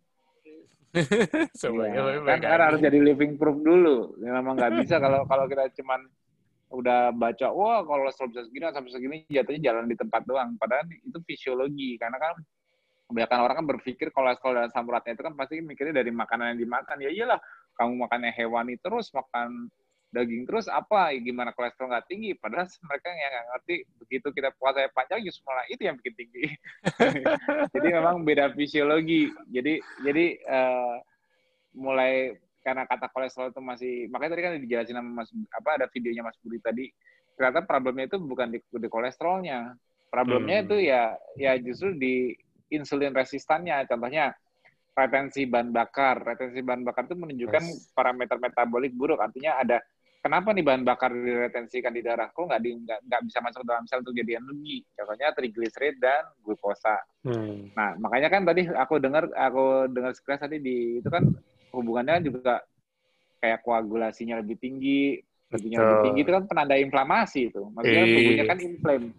Ya, jadi memang pemicu pemicu masalah jantungnya itu bukan kolesterol tinggi gak ada masalah kalau inflamasi rendah. Ya yang yang yang gimana cara tubuh kita menjadi memiliki tubuh anti inflamasi? Karena yang membuat masalah itu walaupun kolesterol rendah kalau inflamasi tinggi ya eh, aterosklerosis juga. Makanya inflamasinya itu nggak apalagi low grade inflammation yang berlangsung terus menerus kita nggak sadari. Nah itu dia yang nggak boleh. Jadi penanda dari tubuh sendiri itu harus didengarkan. Begitu kita KF, kita merasa segala jenis peradangan kita turun nggak? Nah, gitu dia kayak misalnya pegel-pegelnya. Kadang orang kan suka nyepelin, gampang masuk angin, pegel-pegel, gampang keletihan, gampang capek. Itu sebenarnya tanda-tanda inflamasi, hanya low grade aja. Mereka itu yang nggak sadari. tapi tapi setelah KF itu yang harus dibuktikan ialah uh, kemampuan menurunkan berbagai inflamasi tubuh kelihatan nggak gitu. Nah itu itu, hmm. itu yang yang harus itu hanya bisa dirasakan, nggak bisa nggak bisa kita oh nanti inflamasi itu kalau dia nggak ngerasain dia bingung badanku iya ya jadi enteng ya nggak gampang flu lagi ya nggak gampang sakit lagi ya nggak gampang pegel-pegel lagi ya itu rahasianya tuh di situ padahal karena karena inflamasi inflamasi itu uh, akar dari berbagai penyakit yeah. berbagai kerusakan ya damage ya hmm, hmm. namanya ya kayak sakit kepala apa itu kan inflame tubuh kita jadi setiap terjadi inflame ya ada ada damage ya harusnya di repair hmm. Contohnya kalau kita nge-gym, kita nge-gym malah sengaja bikin inflame, yeah, sedang melukai darah tertentu. Tapi kan, yeah. tapi kan selalu ada resultnya, ada selalu ada resultnya ialah perbaikan. Akhirnya homeostasisnya jadi lebih baik lagi. Nah, tapi kalau hmm. yang kalau inflame yang low grade yang terus menerus, misalnya karena gula darah kita sering fluktuatif, nah, itu yang nggak bagus. Itu yang ujung-ujungnya memicu insulin resistan, akhirnya problem metabolik secara sistemik. Itu masalahnya. Ketutup sama makan sama suplai glukosa terus menerus ya mas ya. Iya jadi jadi uh, jadi nggak nggak disadari kalau badannya suka pegel-pegel. Makanya yang orang-orang remen sekarang kan pegel-pegel, meriang, iya, masuk iya, angin, iya, sering itu dan iya. itu berlangsung sehari-hari itu tuh mereka nggak sadar kalau mereka itu sedang mengalami low grade inflammation yang nantinya berujung pada kekronikan. Kita nggak tahu kroniknya apa, entah dia jadi hipertensi nantinya, entah dia jadi Jantung. Punya, uh, eh, pokoknya ada komorbid yang bakal muncul dari hasil dogget inflammation ini nantinya. Itu kuncinya. Hmm. Jadi jadi jangan ya sebetulnya sih kalau dibilang silent nggak silent silent amat, cuma kita nggak aware aja karena nggak terlalu berasa. Karena karena nggak terlalu mengganggu kalau misalnya itu. Padahal akhirnya pada saat mengganggu itu too late, maksudnya udah telat. gitu karena baru di situ kita mendiagnosakan diri, oh akhirnya ketahuan kita hiperglikemia, eh akhirnya kita ketahuan ini ini karena kita meremehkan rasa-rasa sakit sedikit-sedikit sedikit ini tapi nggak tanya itu aku accumulate menjadi something di masa depannya. Itulah. Hmm. inflamasi inflamasi yang terjadi terus terus menerus itu accelerate aging itu kuncinya. Nah kalau kita bisa membuat gaya hidup yang anti inflamasi ya kita retard aging. Itu aja. Hmm. kan benar kan? Orang orang ya. makin tua makin sakit orang makin tua kan makin sakit sakitan karena inflamasinya sudah sudah sudah sudah nggak bisa low grade lagi udah accumulate akhirnya dia uh, mortalitasnya kan tergantung dari nanti uh, dia meninggalnya karena apa penyakitnya. Tapi seiring kita dari kita bayi, anak-anak, muda, dewasa, itu kan peningkatan inflamasi terus. Hmm. Emang apa? Yang membuat kita menua kalau nggak inflamasi meningkat terus apa? Ya kan? Kalau kalau kalau inflamasi rendah terus kan selnya muda terus. Nah, hmm. nah itu tujuan tujuan kita bagaimana kita menjaga gaya hidup kita, menjaga pola makan, tidur, olahraga teratur. Kenapa tujuannya itu untuk retard, retard inflammation, menekan inflamasi serendah mungkin sehingga kita ngeritard aging kita, ngeritard penuaan sel-sel di tubuh kita, meritard semua kerusakan. Ya, ya secara secara alamiah bukan berarti kita immortal, tetap mortal, hmm. tapi tapi kita berusaha secara secara di luar takdir, secara fisiologinya, biologi kita tahu kalau gini loh. Jadi secara secara secara saintifiknya umur hanya Allah yang tahu tapi secara saintifiknya kita kan harus ikhtiar. Harus ikhtiar secara saintifik pula yang masuk akal apa.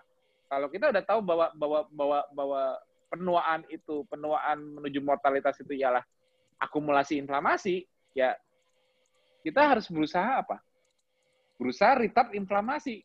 Berarti gaya hidup kita, kita harus makan gaya hidup apa pun itu yang membuat inflamasi kita selalu rendah. Itu kuncinya kuncinya kita ikhtiar untuk sehat. Rendahkan inflamasi, itu ikhtiar sehat pertama. Ya, makanya contohnya sekarang kayak COVID. COVID itu komorbiditas orang bisa hidup dengan diabetes, hipertensi bertahun-tahun, walaupun angka mortality mereka uh, dibanding orang sehat pasti lebih tinggi. Tapi bisa bertahun-tahun kan? Coba yang aku bilang kenapa pandemi COVID ini mengincar metabolic syndrome atau komorbid. Karena apa? Karena dia COVID itu sifatnya mening, apa, memicu potensiometer speaker inflamasi digedein tiba-tiba. Nah, hmm. Nah begitu digedein tiba-tiba, yang comorbid kalah duluan karena mereka sudah ada low grade inflammation yang sudah accumulate juga. Jadi di jam, jadi gini loh, kalau kayak orang yang yang BPM-nya udah tinggi, begitu disuruh lari sprint kencang-kencangnya udah nggak kuat, apa lagi udah, oh, oh, oh, udah nggak kuat. Tapi kalau kalau orang yang atlet yang sering latihan, yang BPM-nya rendah, dia threshold sampai dia ngos-ngosannya masih jauh, dia masih bisa lari jauh banget, mau sprint dia nggak langsung ngos-ngosan. Jadi jadi anggap aja itu sebagai threshold inflamasi. Kalau kita inflamasi rendah, begitu kita kena infeksi apa-apa, kenaikan inflamasi ada, kan ada inflammatory respon, tapi nggak sampai fatal. Nah, bagi yang komorbid ini cepat fatalnya kenapa? Karena mereka nggak sadar total inflamasi mereka sudah akumulate. Nah, itu jadi, hmm. jadi yang, itu yang aku bilang, mortality suatu spesies di, dipengaruhi oleh akumulasi dari inflamasi. Hmm. Hmm. Jadi jadi apa pun yang kita lakukan, gaya hidup kita harus rendah inflamasi. Bukan berarti kita tidak ada inflamasi. Inflamasi itu salah satu salah satu trigger untuk perbaikan. Itu home signal juga, makanya kita kan olahraga. Tapi kan kita juga memberikan time untuk repairnya. Ya, ini aku memberikan gambaran besarnya fisiologi. Jadi betul, bisa buat, betul. oh apa yang aku lakukan ini udah benar belum ya? Hmm. Apa yang aku lakukan ini sebagai hidup udah benar belum ya? Kalau kamu merasa kamu, ya aku bilang, kenapa uh, Mbak Rianti merasa nyaman? karena nyaman menjalannya karena karena dalam menjalankannya ini nggak keluhan-keluhannya hilang, nggak banyak gejala, nggak sulit gitu, nggak yes. nggak nggak bersusah payah nahan lapar karena fisiologi ketosis karena fisiologi ketosis jelas mendukung kita mengenali kulkas dalam tubuh sendiri ya gimana kita bisa lapar terus semua level inflamasi turun, turun badan betul. lebih enteng ya aku bilang kalau bagi orang lain di sekitar Mbak Rianti bilang dietnya ekstrim makan cuma sekali dua kali sehari. Nggak bisa makan. Kan mungkin pemikiran orang yang ngerti gitu. Kayaknya kayaknya menderita banget. Justru malah badannya enak banget bukan menderita. Karena karena dengan melepas karbo ini justru ketosis itu ialah yang aku cerita di TFH kemarin. TFH PSFH kemarin tuh semakin lama kita ketosis itu bukan yang makin sulit tapi makin mudah makin yang susah awalnya itu kan mungkin ada orang yang mengalami berbagai macam transisi tapi makin lama dia bukan makin sulit malah makin mudah. Kenapa? Karena fisiologi makin mendukung. Contohnya, inflamasi makin turun, energi makin tinggi, hmm. adiksinya makin turun. Ya dulunya awalnya, hmm. aduh nggak mungkin hmm. gue nggak bisa nggak ngelepas duren, aduh nggak mungkin gue bisa lepas roti, aduh nggak mungkin gue bisa lepas donat. Selanjutnya biasa aja akhirnya ya, adiksinya juga hilang. Nah itu jadi jadi kalau kita konsisten menjalani, hmm. ujung ujungnya itu bukan lebih sulit. Aduh, kuat nggak ya gue dua tahun? Jangan mikirin dua tahunnya dulu. Nanti kalau dipikir sekarang sih pasti bilangnya nggak kuat. Ah nggak bakal bisa gue kalau tiga tahun nggak makan nasi. Kuat banget karena dipikirnya di depan, di depan saat dia masih adiksinya tinggi, dia masih gampang kekurangan energi kalau nggak makan. Jadi posisi dia sekarang dibayangkan untuk menjalankan seperti orang lain udah ketos tiga tahun. Yang orang-orang ketos KF itu kok hebat banget ya, mereka benar-benar warrior ya, kok mereka bisa bisa kuat ya nggak makan gitu kok bisa kok disangkanya tuh para warrior itu berusaha nahan lapar ditahan padahal enggak kan? Lapar nggak lapar juga nggak lapar gitu. Jadi kadang-kadang pandangan lingkungan luar lihat kita makanya kita ya sebetulnya jujur secara nggak langsung kita jadi kelihatan kayak superhuman. Bisa ya? Makan sekali dua kali sehari bertahun-tahun gitu. Kok bisa ya nggak makan nasi bertahun-tahun? Seakan-akan kita itu nahan lapar dan nahan hawa nafsunya kuat banget gitu. Hebat banget orang kayak enggak. Padahal kita makin mudah fisiologi kita makin mendukung gitu loh. Kan kan jadi biasa aja kan. Yang susah itu kan di awal tapi selalu dalam kan biasa aja kan. Tapi bagi yeah. orang di sekitar kita kayak kayak wow. kayak orang di sekitar kita kayak wow ini orang antara dia terintimidasi terus dia ngebully atau gila nih hebat banget. Jadi eh, ada dua dua respon yang bisa didapat. Antara dia terinti, ter, terintimidasi dan dia tidak mampu melakukan kayak kita akhirnya dia membuli bilang bahaya jangan. Gue gue kasih nama lu makanya udah lo gini-gini. Ada yang kayak gitu atau ada yang gue tahu itu sehat tapi gue gak bakal kuat kayak lu. Antara mereka yang mampu gitu. Paling ada dua respon kayak gitu. Nah selalu kalau yang merespon kayak gitu selalu ajak mereka KF itu nggak bisa nggak bisa diceritakan nggak bisa dicontohkan. Lu ngeliat gue kayak gini makan sekali sehari dijamin nggak bakal kebayang, nggak mampu. Hmm. Untuk hmm. untuk tahu bisa kayak gini apa nggak, jalanin dulu. Hmm. Jalanin se sebulan baru dia bilang gimana? Masih nyari nasi, masih nyari roti, masih masih gampang lemes, masih susah lapar. Apa apa jadi gampang nggak lapar? Nah itu semua itu terbuktinya setelah jalanin. Kalau belum jalanin sih kayaknya kesannya ih ini orang menderita banget jadi KF ya. Nggak bisa makan roti mie apa misalnya gitu. Nggak bisa dianggapnya nggak fleksibel ya. Padahal padahal yang aku bilang kenapa orang bisa bisa konsisten di KF bertahun-tahun? Karena it works karena karena yeah. akhirnya orang tersebut nyaman. Maksudnya hmm. nggak hmm. sulit gitu loh. Ada orang yang misalnya diet A B C D F cuman ya cuman enam bulan tiga bulan ganti diet lagi ganti diet lagi. Karena apa? Mereka nggak nyaman. Mereka ganti nyari pola yang mereka nyaman tapi insya Allah kalau orang udah benar-benar jalanin KF, harusnya dia nyamannya berasa. Mas, ini ada sedikit pertanyaan nih uh, dari salah satu peserta di sini. Ya, ini ayah dari Mbak Nada Taufik, yaitu Dr. Emil Taufik ini, Mas. Ya, betul, Dia, Pak. Selamat malam, ya. Pak. Selamat malam, ya, Dr. Emil. Silakan, ya. dokter. Ya. Mau nanya langsung ke Mas Tio, silakan. Ya. Ini barangkali saya langsung aja, Mas Tio. Jadi ini saya ini kan usianya sudah 79 tahun nih. Hmm. Dan saya itu sudah selama 15 tahun lah kira-kira ketahuan darah tinggi. Dan kemudian ya berobat, ternyata juga sudah kena ke ginjal. Ya ujungnya nah, tensi tinggi memang ginjal. Iya, nah kemudian si anakku nih yang menganjurkan nih pakai PS, ya, apa KF, ya. KF ini, iya. Ya. Nah, aku kan belajar bertahun-tahun kalau sakit ginjal nggak boleh makan protein nih. Pusing lah ini Pak. Hmm? Nggak, sakit ginjal bertahun-tahun nggak boleh makan protein, makannya apa dong contohnya? Eh, biasa Contohnya. makan biasa. Kalaupun makan protein dikit-dikit, hanya agar supaya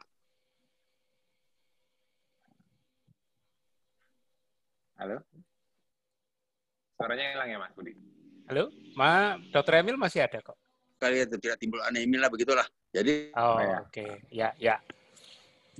Sinyalnya nah, sempat ya. ini. Ya, aku sebetulnya sedikit bangkitnya tapi tidak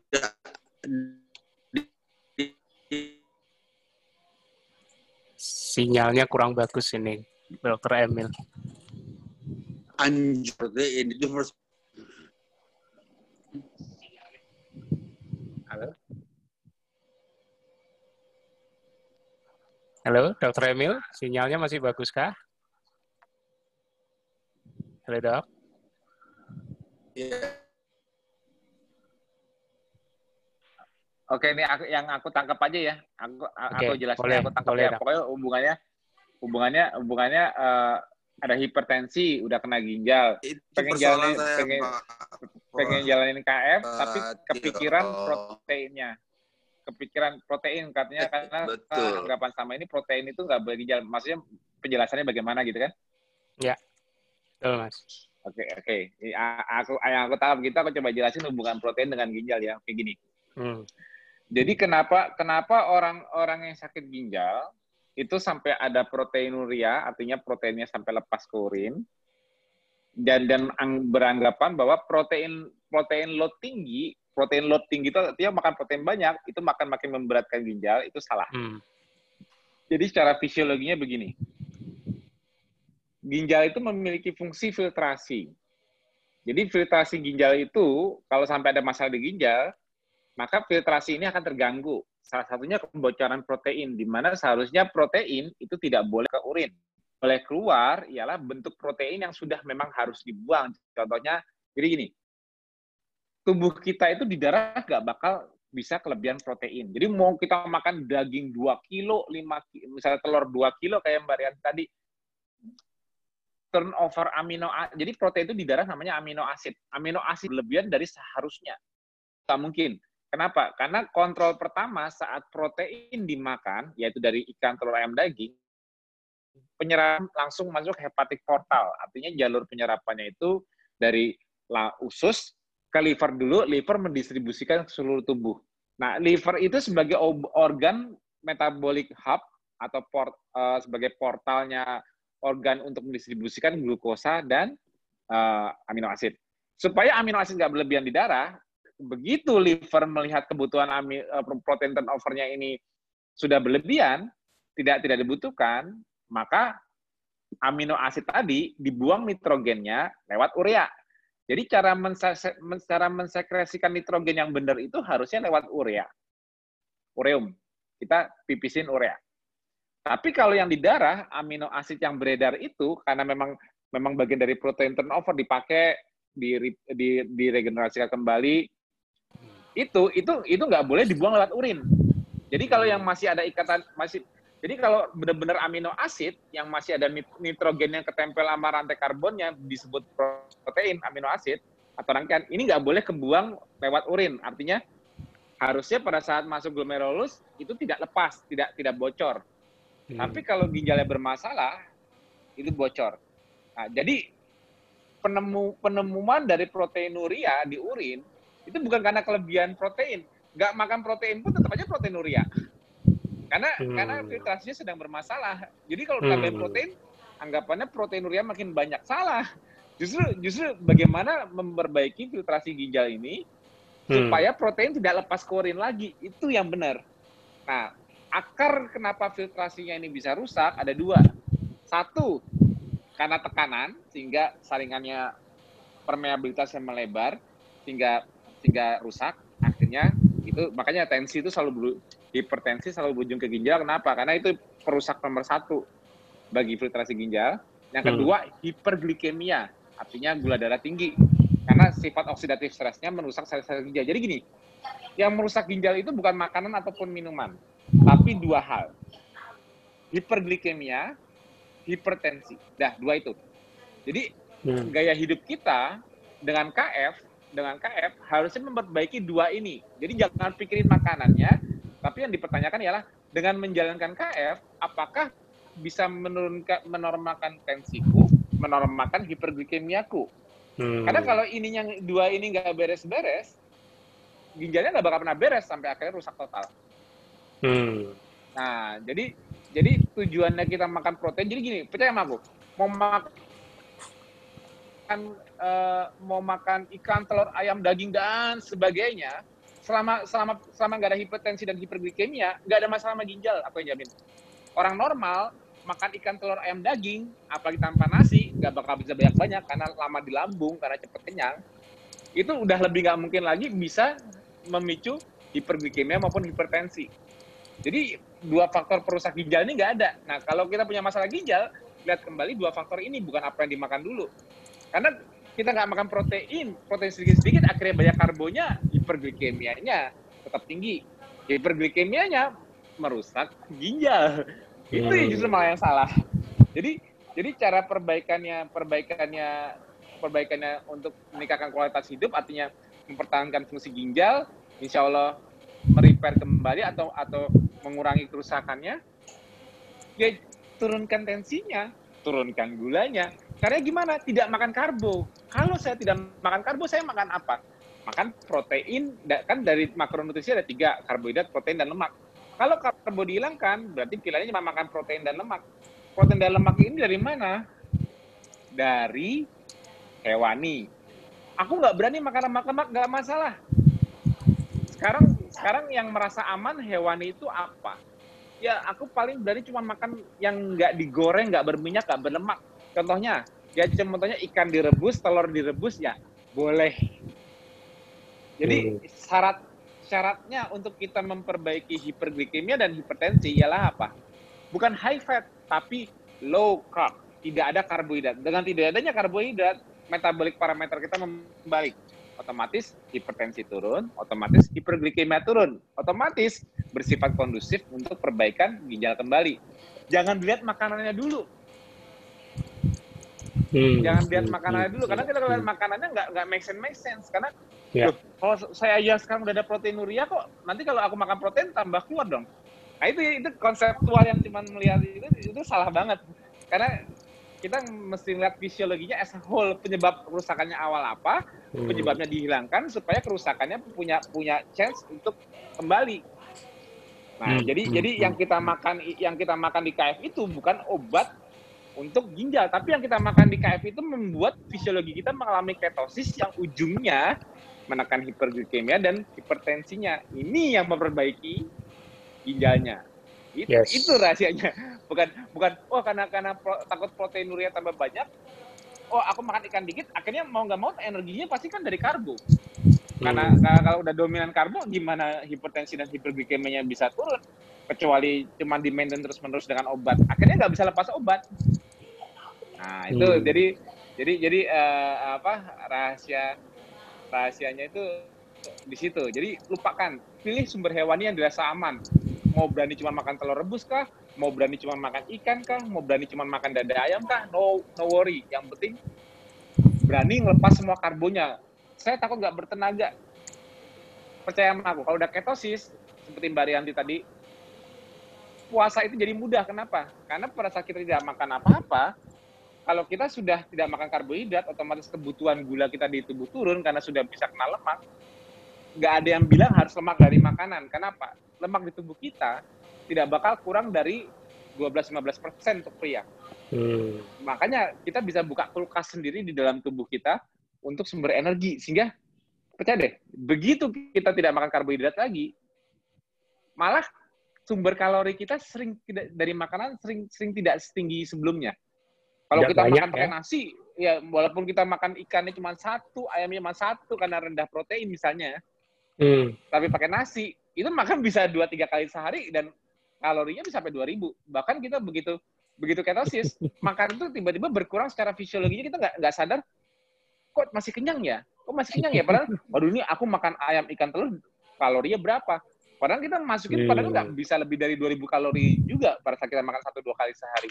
Karena cepat yeah. kenyang, karena unconsciously terjadi kalori restriction, karena sumber hewani juga lambat diserap di lambung, lama diproses di lambungnya, karena dia proses di lambungnya lama, dia stretching lebih, stretching, stretching di lambung lebih lama, otomatis satiety-nya lebih tinggi, cepat kenyang, hmm. akhirnya secara nggak langsung kita oh, belum lapar, jadi bukan nahan-nahan lapar, kayak Mbak Rianti itu bukan nahan-nahan lapar, memang nggak lapar, karena masih itu apalagi kalau aktif bergerak, aktif bergerak makin dibongkar di lagi.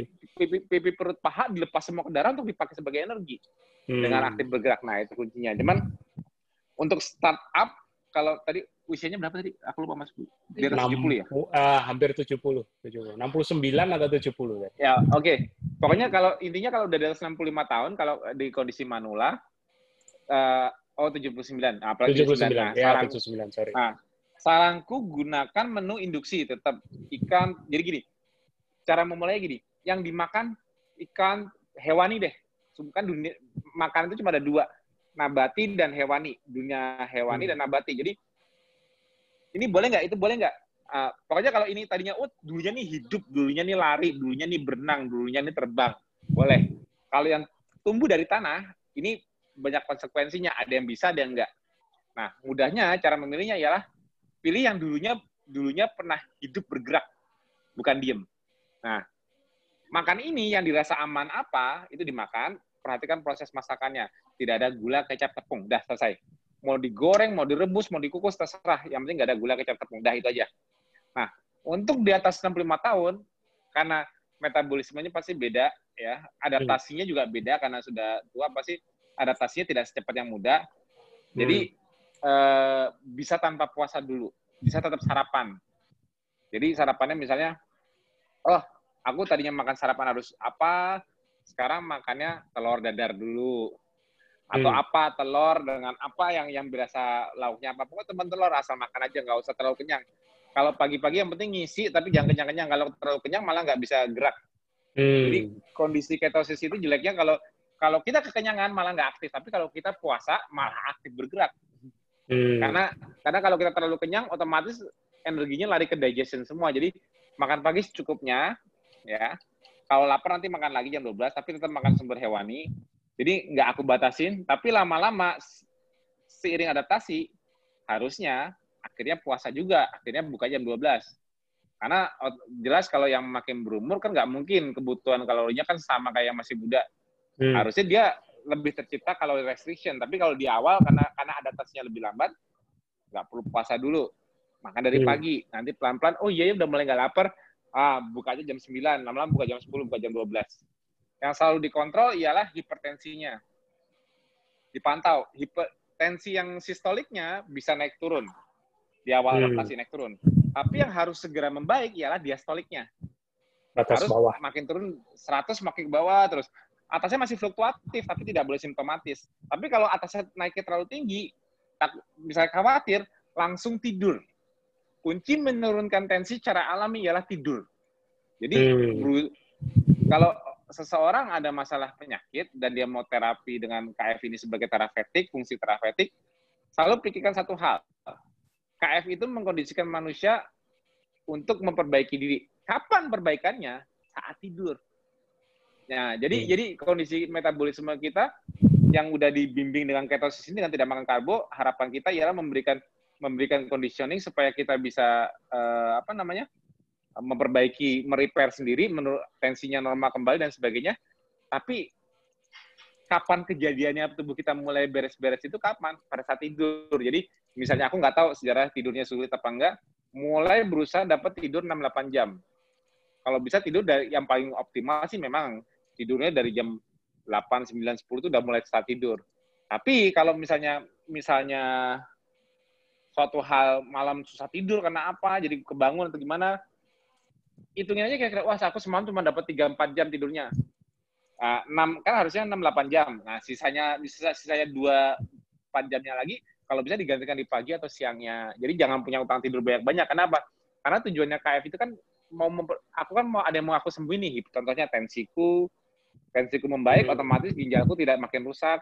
Nah, jadi kalau udah punya kayak gitu, jadi tidur tuh harus dapetin kualitasnya. Aku nggak tahu gimana caranya jangan banyak pikiran, bawa tidur harus senang. Nah, dan dan di awal mulai nggak harus olahraga dulu, karena kan masih adaptasi. Kalau hmm. langsung di kondisi di kondisi masih adaptasi, belum bisa bakal lemak optimal, tadinya masih ngandelin gula sebagai energi, terus sekarang gulanya hilang, kan ada transisi. Ini hmm. jangan dipaksain olahraga dulu, belum tentu kuat, karena kan oh. belum adaptasi. Nanti oh. setelah udah mulai fit, udah mulai seger, udah mulai nggak cepet lapar, mulai olahraga, masukin pilar berikutnya. Jadi uh, bertahap itu kayak gitu. Mantap mas. Uh, nanti aku tadi udah chatting sama Mbak Nada Taufik dan juga ah, ini kan kebetulan putrinya Dr. Emil Taufik. Sepertinya nanti akan mengunjungi Mas Tio, ya kan, ke kantor untuk karena haus Mas, haus untuk uh, belajar lebih lagi, ya. Hmm. Mas Tio siap-siap aja. Kalau tidak ya. ada acara di kantor, siap-siap nanti akan diskusi lebih gayeng nanti Mas ya. Ya. ya. Kita sudah di penghujung, uh, mungkin Dokter Yanti juga bisa kasih closing statement, pesan buat teman-teman warrior. Silakan, dok. Uh, cara bagaimana kita hidup itu kan pilihan ya. Jadi ketika kita sudah menemukan kliknya bahwa dengan seperti apa kita menjalani pola makan, pola hidup, kemudian kebiasaan kita, ya sudah Bismillah, siapa tahu itu jadi wasilah untuk hmm. untuk jalan hidup yang lebih baik begitu ya dan semua itu tetap harus diperjuangkan gitu. Saya rasa hari-hari saya juga untuk bisa terus konsisten gitu ya. Hmm. harus berjuang gitu untuk meningkatkan kualitas hidup lebih baik lagi. Siapa tahu dengan kita dan juga yang yang paling penting adalah ikhlas menerima. Jadi saya belajar benar dari apa yang saya tadi ceritakan itu menerima keadaan diri bahwa mungkin uh, dengan jalan itu Allah akan uh, Tuhan akan merubah kita gitu ya. Yang tadinya mungkin dengan kebiasaan yang kurang baik menjadi lebih baik lagi dan berusaha untuk konsisten. Karena saya berusaha untuk konsisten ini benar-benar ya diuji. Kadang jatuh bangun untuk hanya membuktikan bahwa ini sesuai nggak sih dengan saya gitu. Di kadang yeah. jatuh bangunnya di situ. Uh, kalau Budi, di kadang masa sih masih ada pertanyaan kayak gitu loh bener nggak hmm, uh, hmm. ketika dibuktikan akhirnya saya merasakan lagi oh iya benar kayak gitu loh. Habis itu balik lagi ke jalan yang benar lagi gitu. Tapi ya. yang kayak gitu tidak usah dilakukan berulang-ulang. Cukup untuk meyakinkan saja gitu bahwa ternyata uh, yang kita pilih ini ya sudah jalannya gitu kan. Sudah jalannya dari Allah yang saya uh, jadikan itu wasilah untuk kesembuhan saya. Ya yang mungkin saat ini tidak terukur tapi saya yang bisa merasakannya ya. Tidak terukur dalam artian saya belum memeriksakan MRI setelah KF ini dalam berapa lama gitu tapi masih uh, merasakan bahwa uh, kualitas hidup saya jauh lebih baik sebelumnya dari sebelumnya begitu. Ini senang tadi ada statement statement dari Dr. Rianti apa uh, menguji itu perlu karena untuk diri sendiri maksudnya bukan bukan mencari masalah ya tapi untuk mengafirmasi karena yang yang bisa memberikan kejujuran paling paling murni itu ya badan sendiri.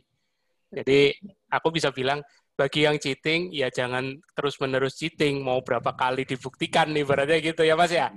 Pasti main body apa namanya ada ya saya jadi belajar main body connecting ya main body yes.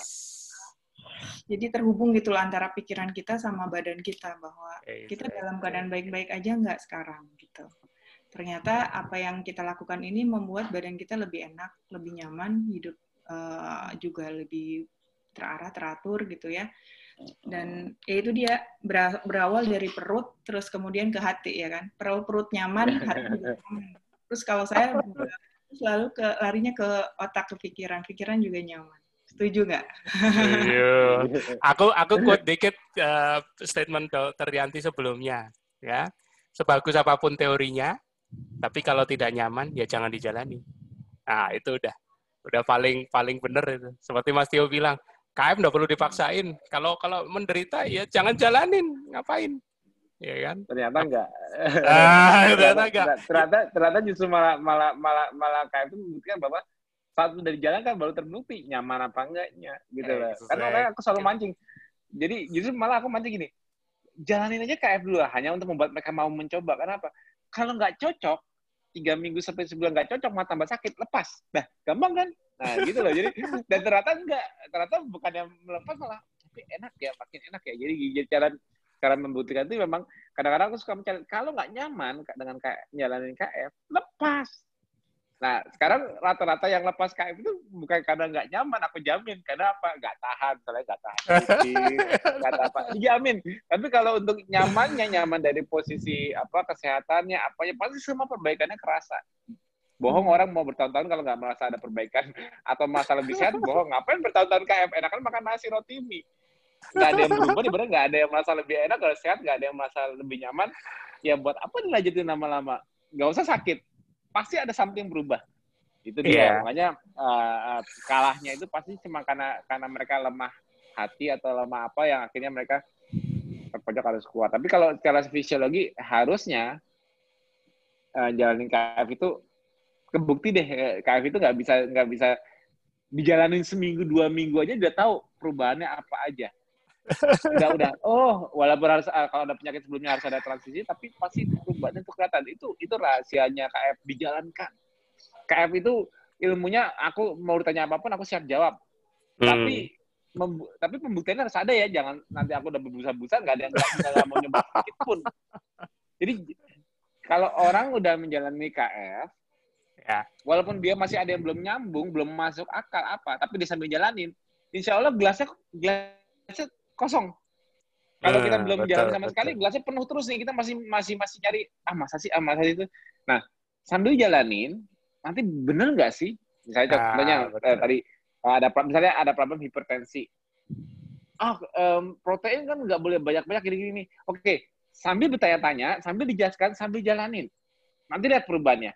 Eh, tapi bener ya. hmm. ya. Kok lebih apa ya? Kok lebih apa ya? Kok hmm. bisa ya? Hmm. Nanti kadang-kadang kaget loh biasanya saya tensi saya 170, 150 saya udah berat nggak apa nih kok saya 150 tapi kok enteng ya. Jadi kayak hmm. kayak samping pasti berubah. Kalau nggak ada perubahan bohong. Jadi satu dua minggu jalanin tapi sambil belajar itu kuncinya. Tapi jangan jalan di tempat, nggak nyoba-nyoba. Itu yang salah. Karena apa?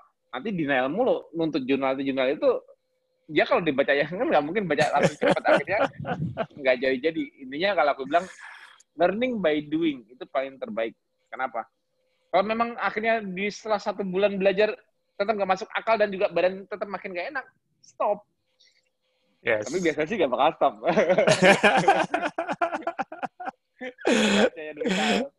ya kalau nggak nggak mau nggak mau stop memang karena sudah ngerasain. Kedua ya ini mungkin jalan yang paling oke okay, yang udah udah dirasain enak banget gitu loh. Ya kan? Karena kayak tadi Dokter Yati bilang, ya suruh balik lagi ya mbak maulah ya kan? Walaupun ya memang masih bergumul di godaan ya. Gimana dok? Ya. nyarinya nyaman itu kan ya ketika hmm. balik lagi. Misalkan kak ya ketemu why-nya juga sih kenapa? Gitu kan? Kenapa harus kalau nggak seperti itu nggak ada pilihan lain gitu loh. Mau gimana? Mau gimana coba? Mau makan high uh, karbohidrat gitu. Dan ternyata yang ngerasain nggak enaknya pada diri sendiri itu. diri sendiri gitu kan. Itu. terus mau maunya gimana gitu. Yang saya klik tuh tadi kata Mas Tio itu adalah low carb. Ketika saya berpikir low carb dulu misalkan saya belum berpikir high uh, fat gitu ya. Waktu itu saya kliknya dulu oh low carb. Oke okay, saya bisa low carb gitu ternyata ketika saya memilih makanan low carb itu adalah makanan-makanan yang dari hewan, ya kan? Yang hmm. ikan lah, terus daging, mau nggak mau gitu loh. Yang kita makan kan itu, yang hmm. yang pilihan untuk bisa menekan si karbohidrat itu. Ya mau nggak mau kan kita makan mungkin di dalam daging itu orang bilang banyak fatnya gitu kan ya. Hmm. Otomatis lah itu kekejar fatnya. Hmm. Iya. Okay. kita pikirin, yang penting lokap dulu. Iya, saya tuh kliknya di situ. Justru orang tuh nggak kadang ada yang nggak ngerti gitu. Oh, nanti uh, presentasi karbohidrat sekian, fatnya sekian, proteinnya sekian. KFC Jangan hitung-hitung. Gitu. Nah, karena kan kalau baca protokol kan kayak gitu kan, Mas Tio. Ya, itu, itu. Nah, betul. Ha. Tapi ketika untungnya itu dia hmm, mengosongkan gelas gitu ya, gelas pengetahuan di dalam pikiran, hati gitu kan. Ketika itu benar-benar saya belajar lagi, belajar lagi gitu kan. Mendengar lagi, mendengar lagi dan ternyata saya kliknya di situ. Low carb, kata low carb itu, oh saya bisa tuh kalau low carb gitu. Pelan-pelan dari situ saya memilih makan kan, iya iya, saya kalau mau milih low carb, makannya yang tersedia yang aman adalah daging, ikan, ayam, kayak gitu-gitulah Dan ternyata ya, setelah kita itu presentasinya ny nyampe juga gitu loh. Nyampe juga, nggak perlu gitu. makanan ya kan? Betul, karena akhir akhirnya kan jadinya ancestral lifestyle. Ancestor kita aja nggak tahu cara ngitung. Gak ada kalkulator. Karena dia dia makan yang palatable di lidah, dan dia yang disediakan alam ya dia kan disediakan alam walaupun dia tinggal di hutan banyak daun-daunan nggak mungkin dia nggak doin daun-daunan tanpa rasa tapi kan dia pasti kan makan yang yang palatable buat dia yang easy to be cooked yang unconsciously semua nutri esensialnya kepenuhi walaupun ancestor kita tidak tahu apa itu vitamin dan mineral tidak tahu apa itu makronutrisi tapi dia mengandalkan palatabilitas dari apa yang dia makan, dia kalau survive mikirnya makan apa kan jadi gitu. Jadi kita sebenarnya saat ini di zaman modern itu meng mengungkapkan simplicity di masa lalu. Simplicity saat ilmunya di masa lalu belum ada tapi orang sehat. Hmm. Ya, kalau sekarang kan kita untuk sehat kayaknya ilmunya banyak banget ya. ilmunya dari siapa siapa tapi tapi tapi dulu makanya aku bilang KF itu ancestral lifestyle artinya apa? Alam dulu membuat manusia sehat. Hmm karena uh, manusia dikondisikan tidak bisa selalu makan. Manusia hmm. juga ma hmm. makanannya terpilihannya yang palatable bagi mereka terbatas, yang mereka nggak punya ilmu terbatas dan mereka normally makan hewan. Hmm. Itu kan nggak pakai ilmu dulu. Tapi coba sekarang hidup di, di alam sekarang nggak pakai ilmu. Penawarannya udah banyak banget, makanannya udah banyak banget, udah udah gimana? Kalau kalau hidup di zaman sekarang nggak pakai ilmu selesai.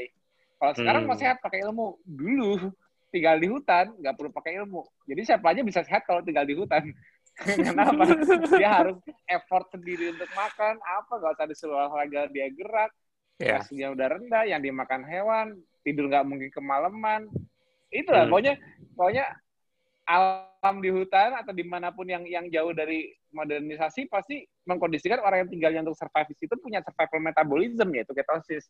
Ya, yeah. otomatis dia sehat secara situasi ya kalau sekarang. Hmm. coba kita kita kita kita kita mikir happy tami di situasi sekarang ya. Makan terus. Oke okay.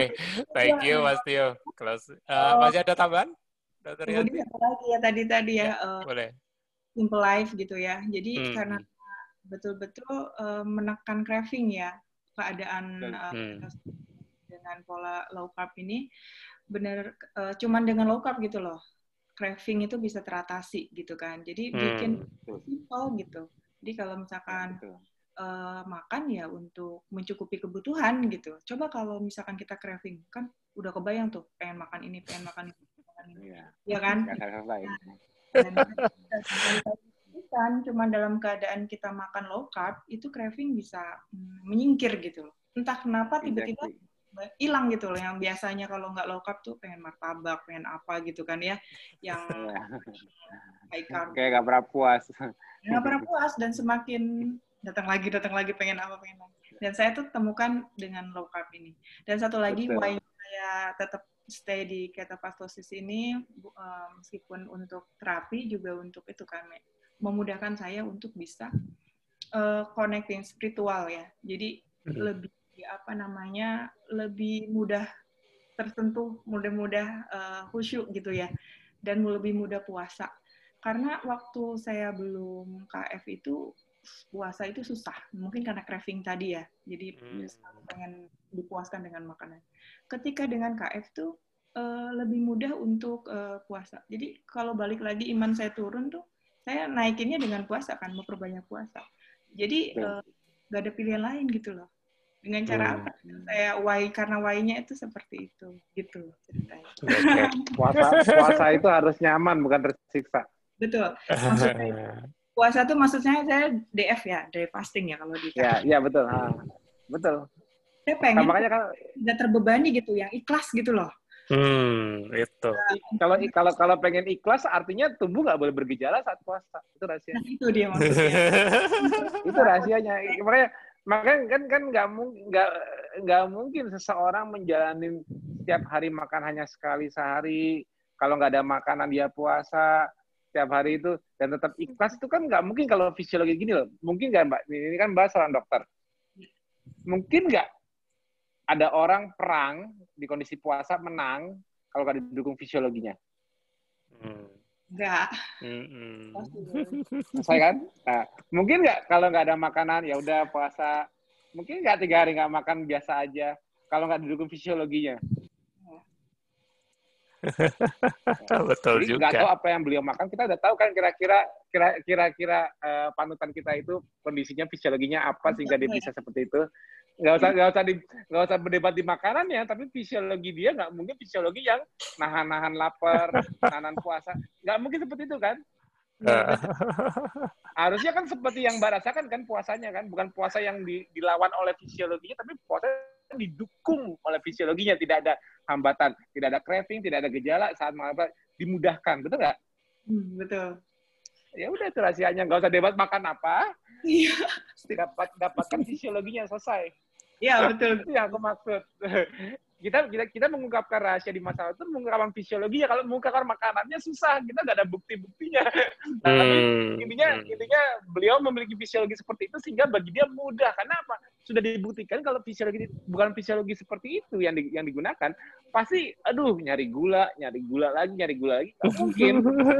Nggak mungkin mudah gitu loh jadi ya. jadi membuktikan itu secara fisiologi. Keadaan, keadaan apa gitu ya Mas Tio ya? Dalam keadaan ya. apa gitu kan ya? Dalam keadaan apa puasa itu mudah? Kan pertanyaannya di situ. Nah, dalam puasa benar, tapi dalam keadaan apa?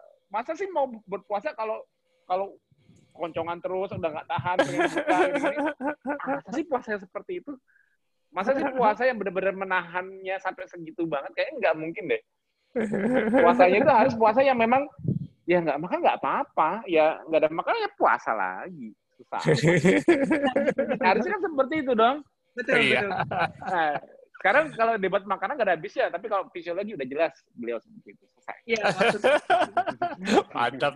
Closing statementnya makin oke. Okay. makanya apa namanya uh, fase-fase di KF itu saya jadikan latihan intermittent fasting uh, tujuannya itu. Nah, makanya kan induksi konsep masalah itu sebetulnya kan nggak mungkin semua orang begitu KF langsung puasa kayak aku makan sehari-hari. Ya, aku udah 12 tahun. Nah, hmm. makanya pelan-pelan dari mulai hmm. makanya kayak tadi uh, dokter siapa tadi yang 79 tahun juga sarapan aja dulu karena manula. Hmm. Karena dia 65 tahun. Empat, empat uh, dari makan dulu karena karena karena makin tua makin tua berarti kan metabolismenya kan makin lambat otomatis kan hmm. adaptasinya hmm. makin lama. Hmm. Kalau Mbak kan masih muda skip sarapan pertamanya lama-lama mudah late ah, lunch lama-lama makin sore. Latihan kan? Nah, nah jadi jadi jadi intinya fase ke fase itu sebetulnya latihan puasa. Nah itu saya, saya tuh dapetinnya itu. Oh maksudnya Mas Tio mungkin bikin protokol tuh ini ya baru. baru. Memang apa? karena karena karena karena yang orang-orang karena yang orang tahu sekarang kayak orang-orang luar negeri tahu atau orang lain tahu ialah oh ketogenik ditambah intermittent fasting. Nggak ada itu sebetulnya. Tujuan orang nggak makan karbo yang akhirnya dia ketosis ialah apa? Membuat dia akhirnya tidak selalu makan. Selesai. Ujungnya seperti itu. Hmm. Jadi aku bilang ketogenik itu nama sebuah diet yang diciptakan. Intermittent fasting itu jenis puasa yang diciptakan manusia. Sebetulnya di alam itu alam itu sudah membentuk seperti itu nantinya pada saat kita udah ketosis, kita udah kenal lemak di dalam tubuh kita, ya akhirnya kita nggak harus selalu makan. Karena itu rahasia umumnya dari ketosis, bukan diet. Ketosis. Nah, akhirnya karena aku tahu itu udah sejak-sejak awal, aku kasih guidance-nya untuk pelan-pelan. Karena apa?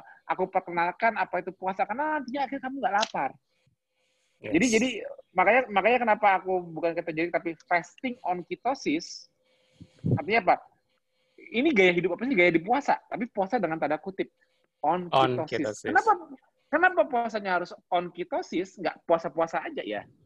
Ntar kalau udah jalanin tahu puasa yang dimudahkan dan puasa yang ditahan-tahan. Kan nggak kan?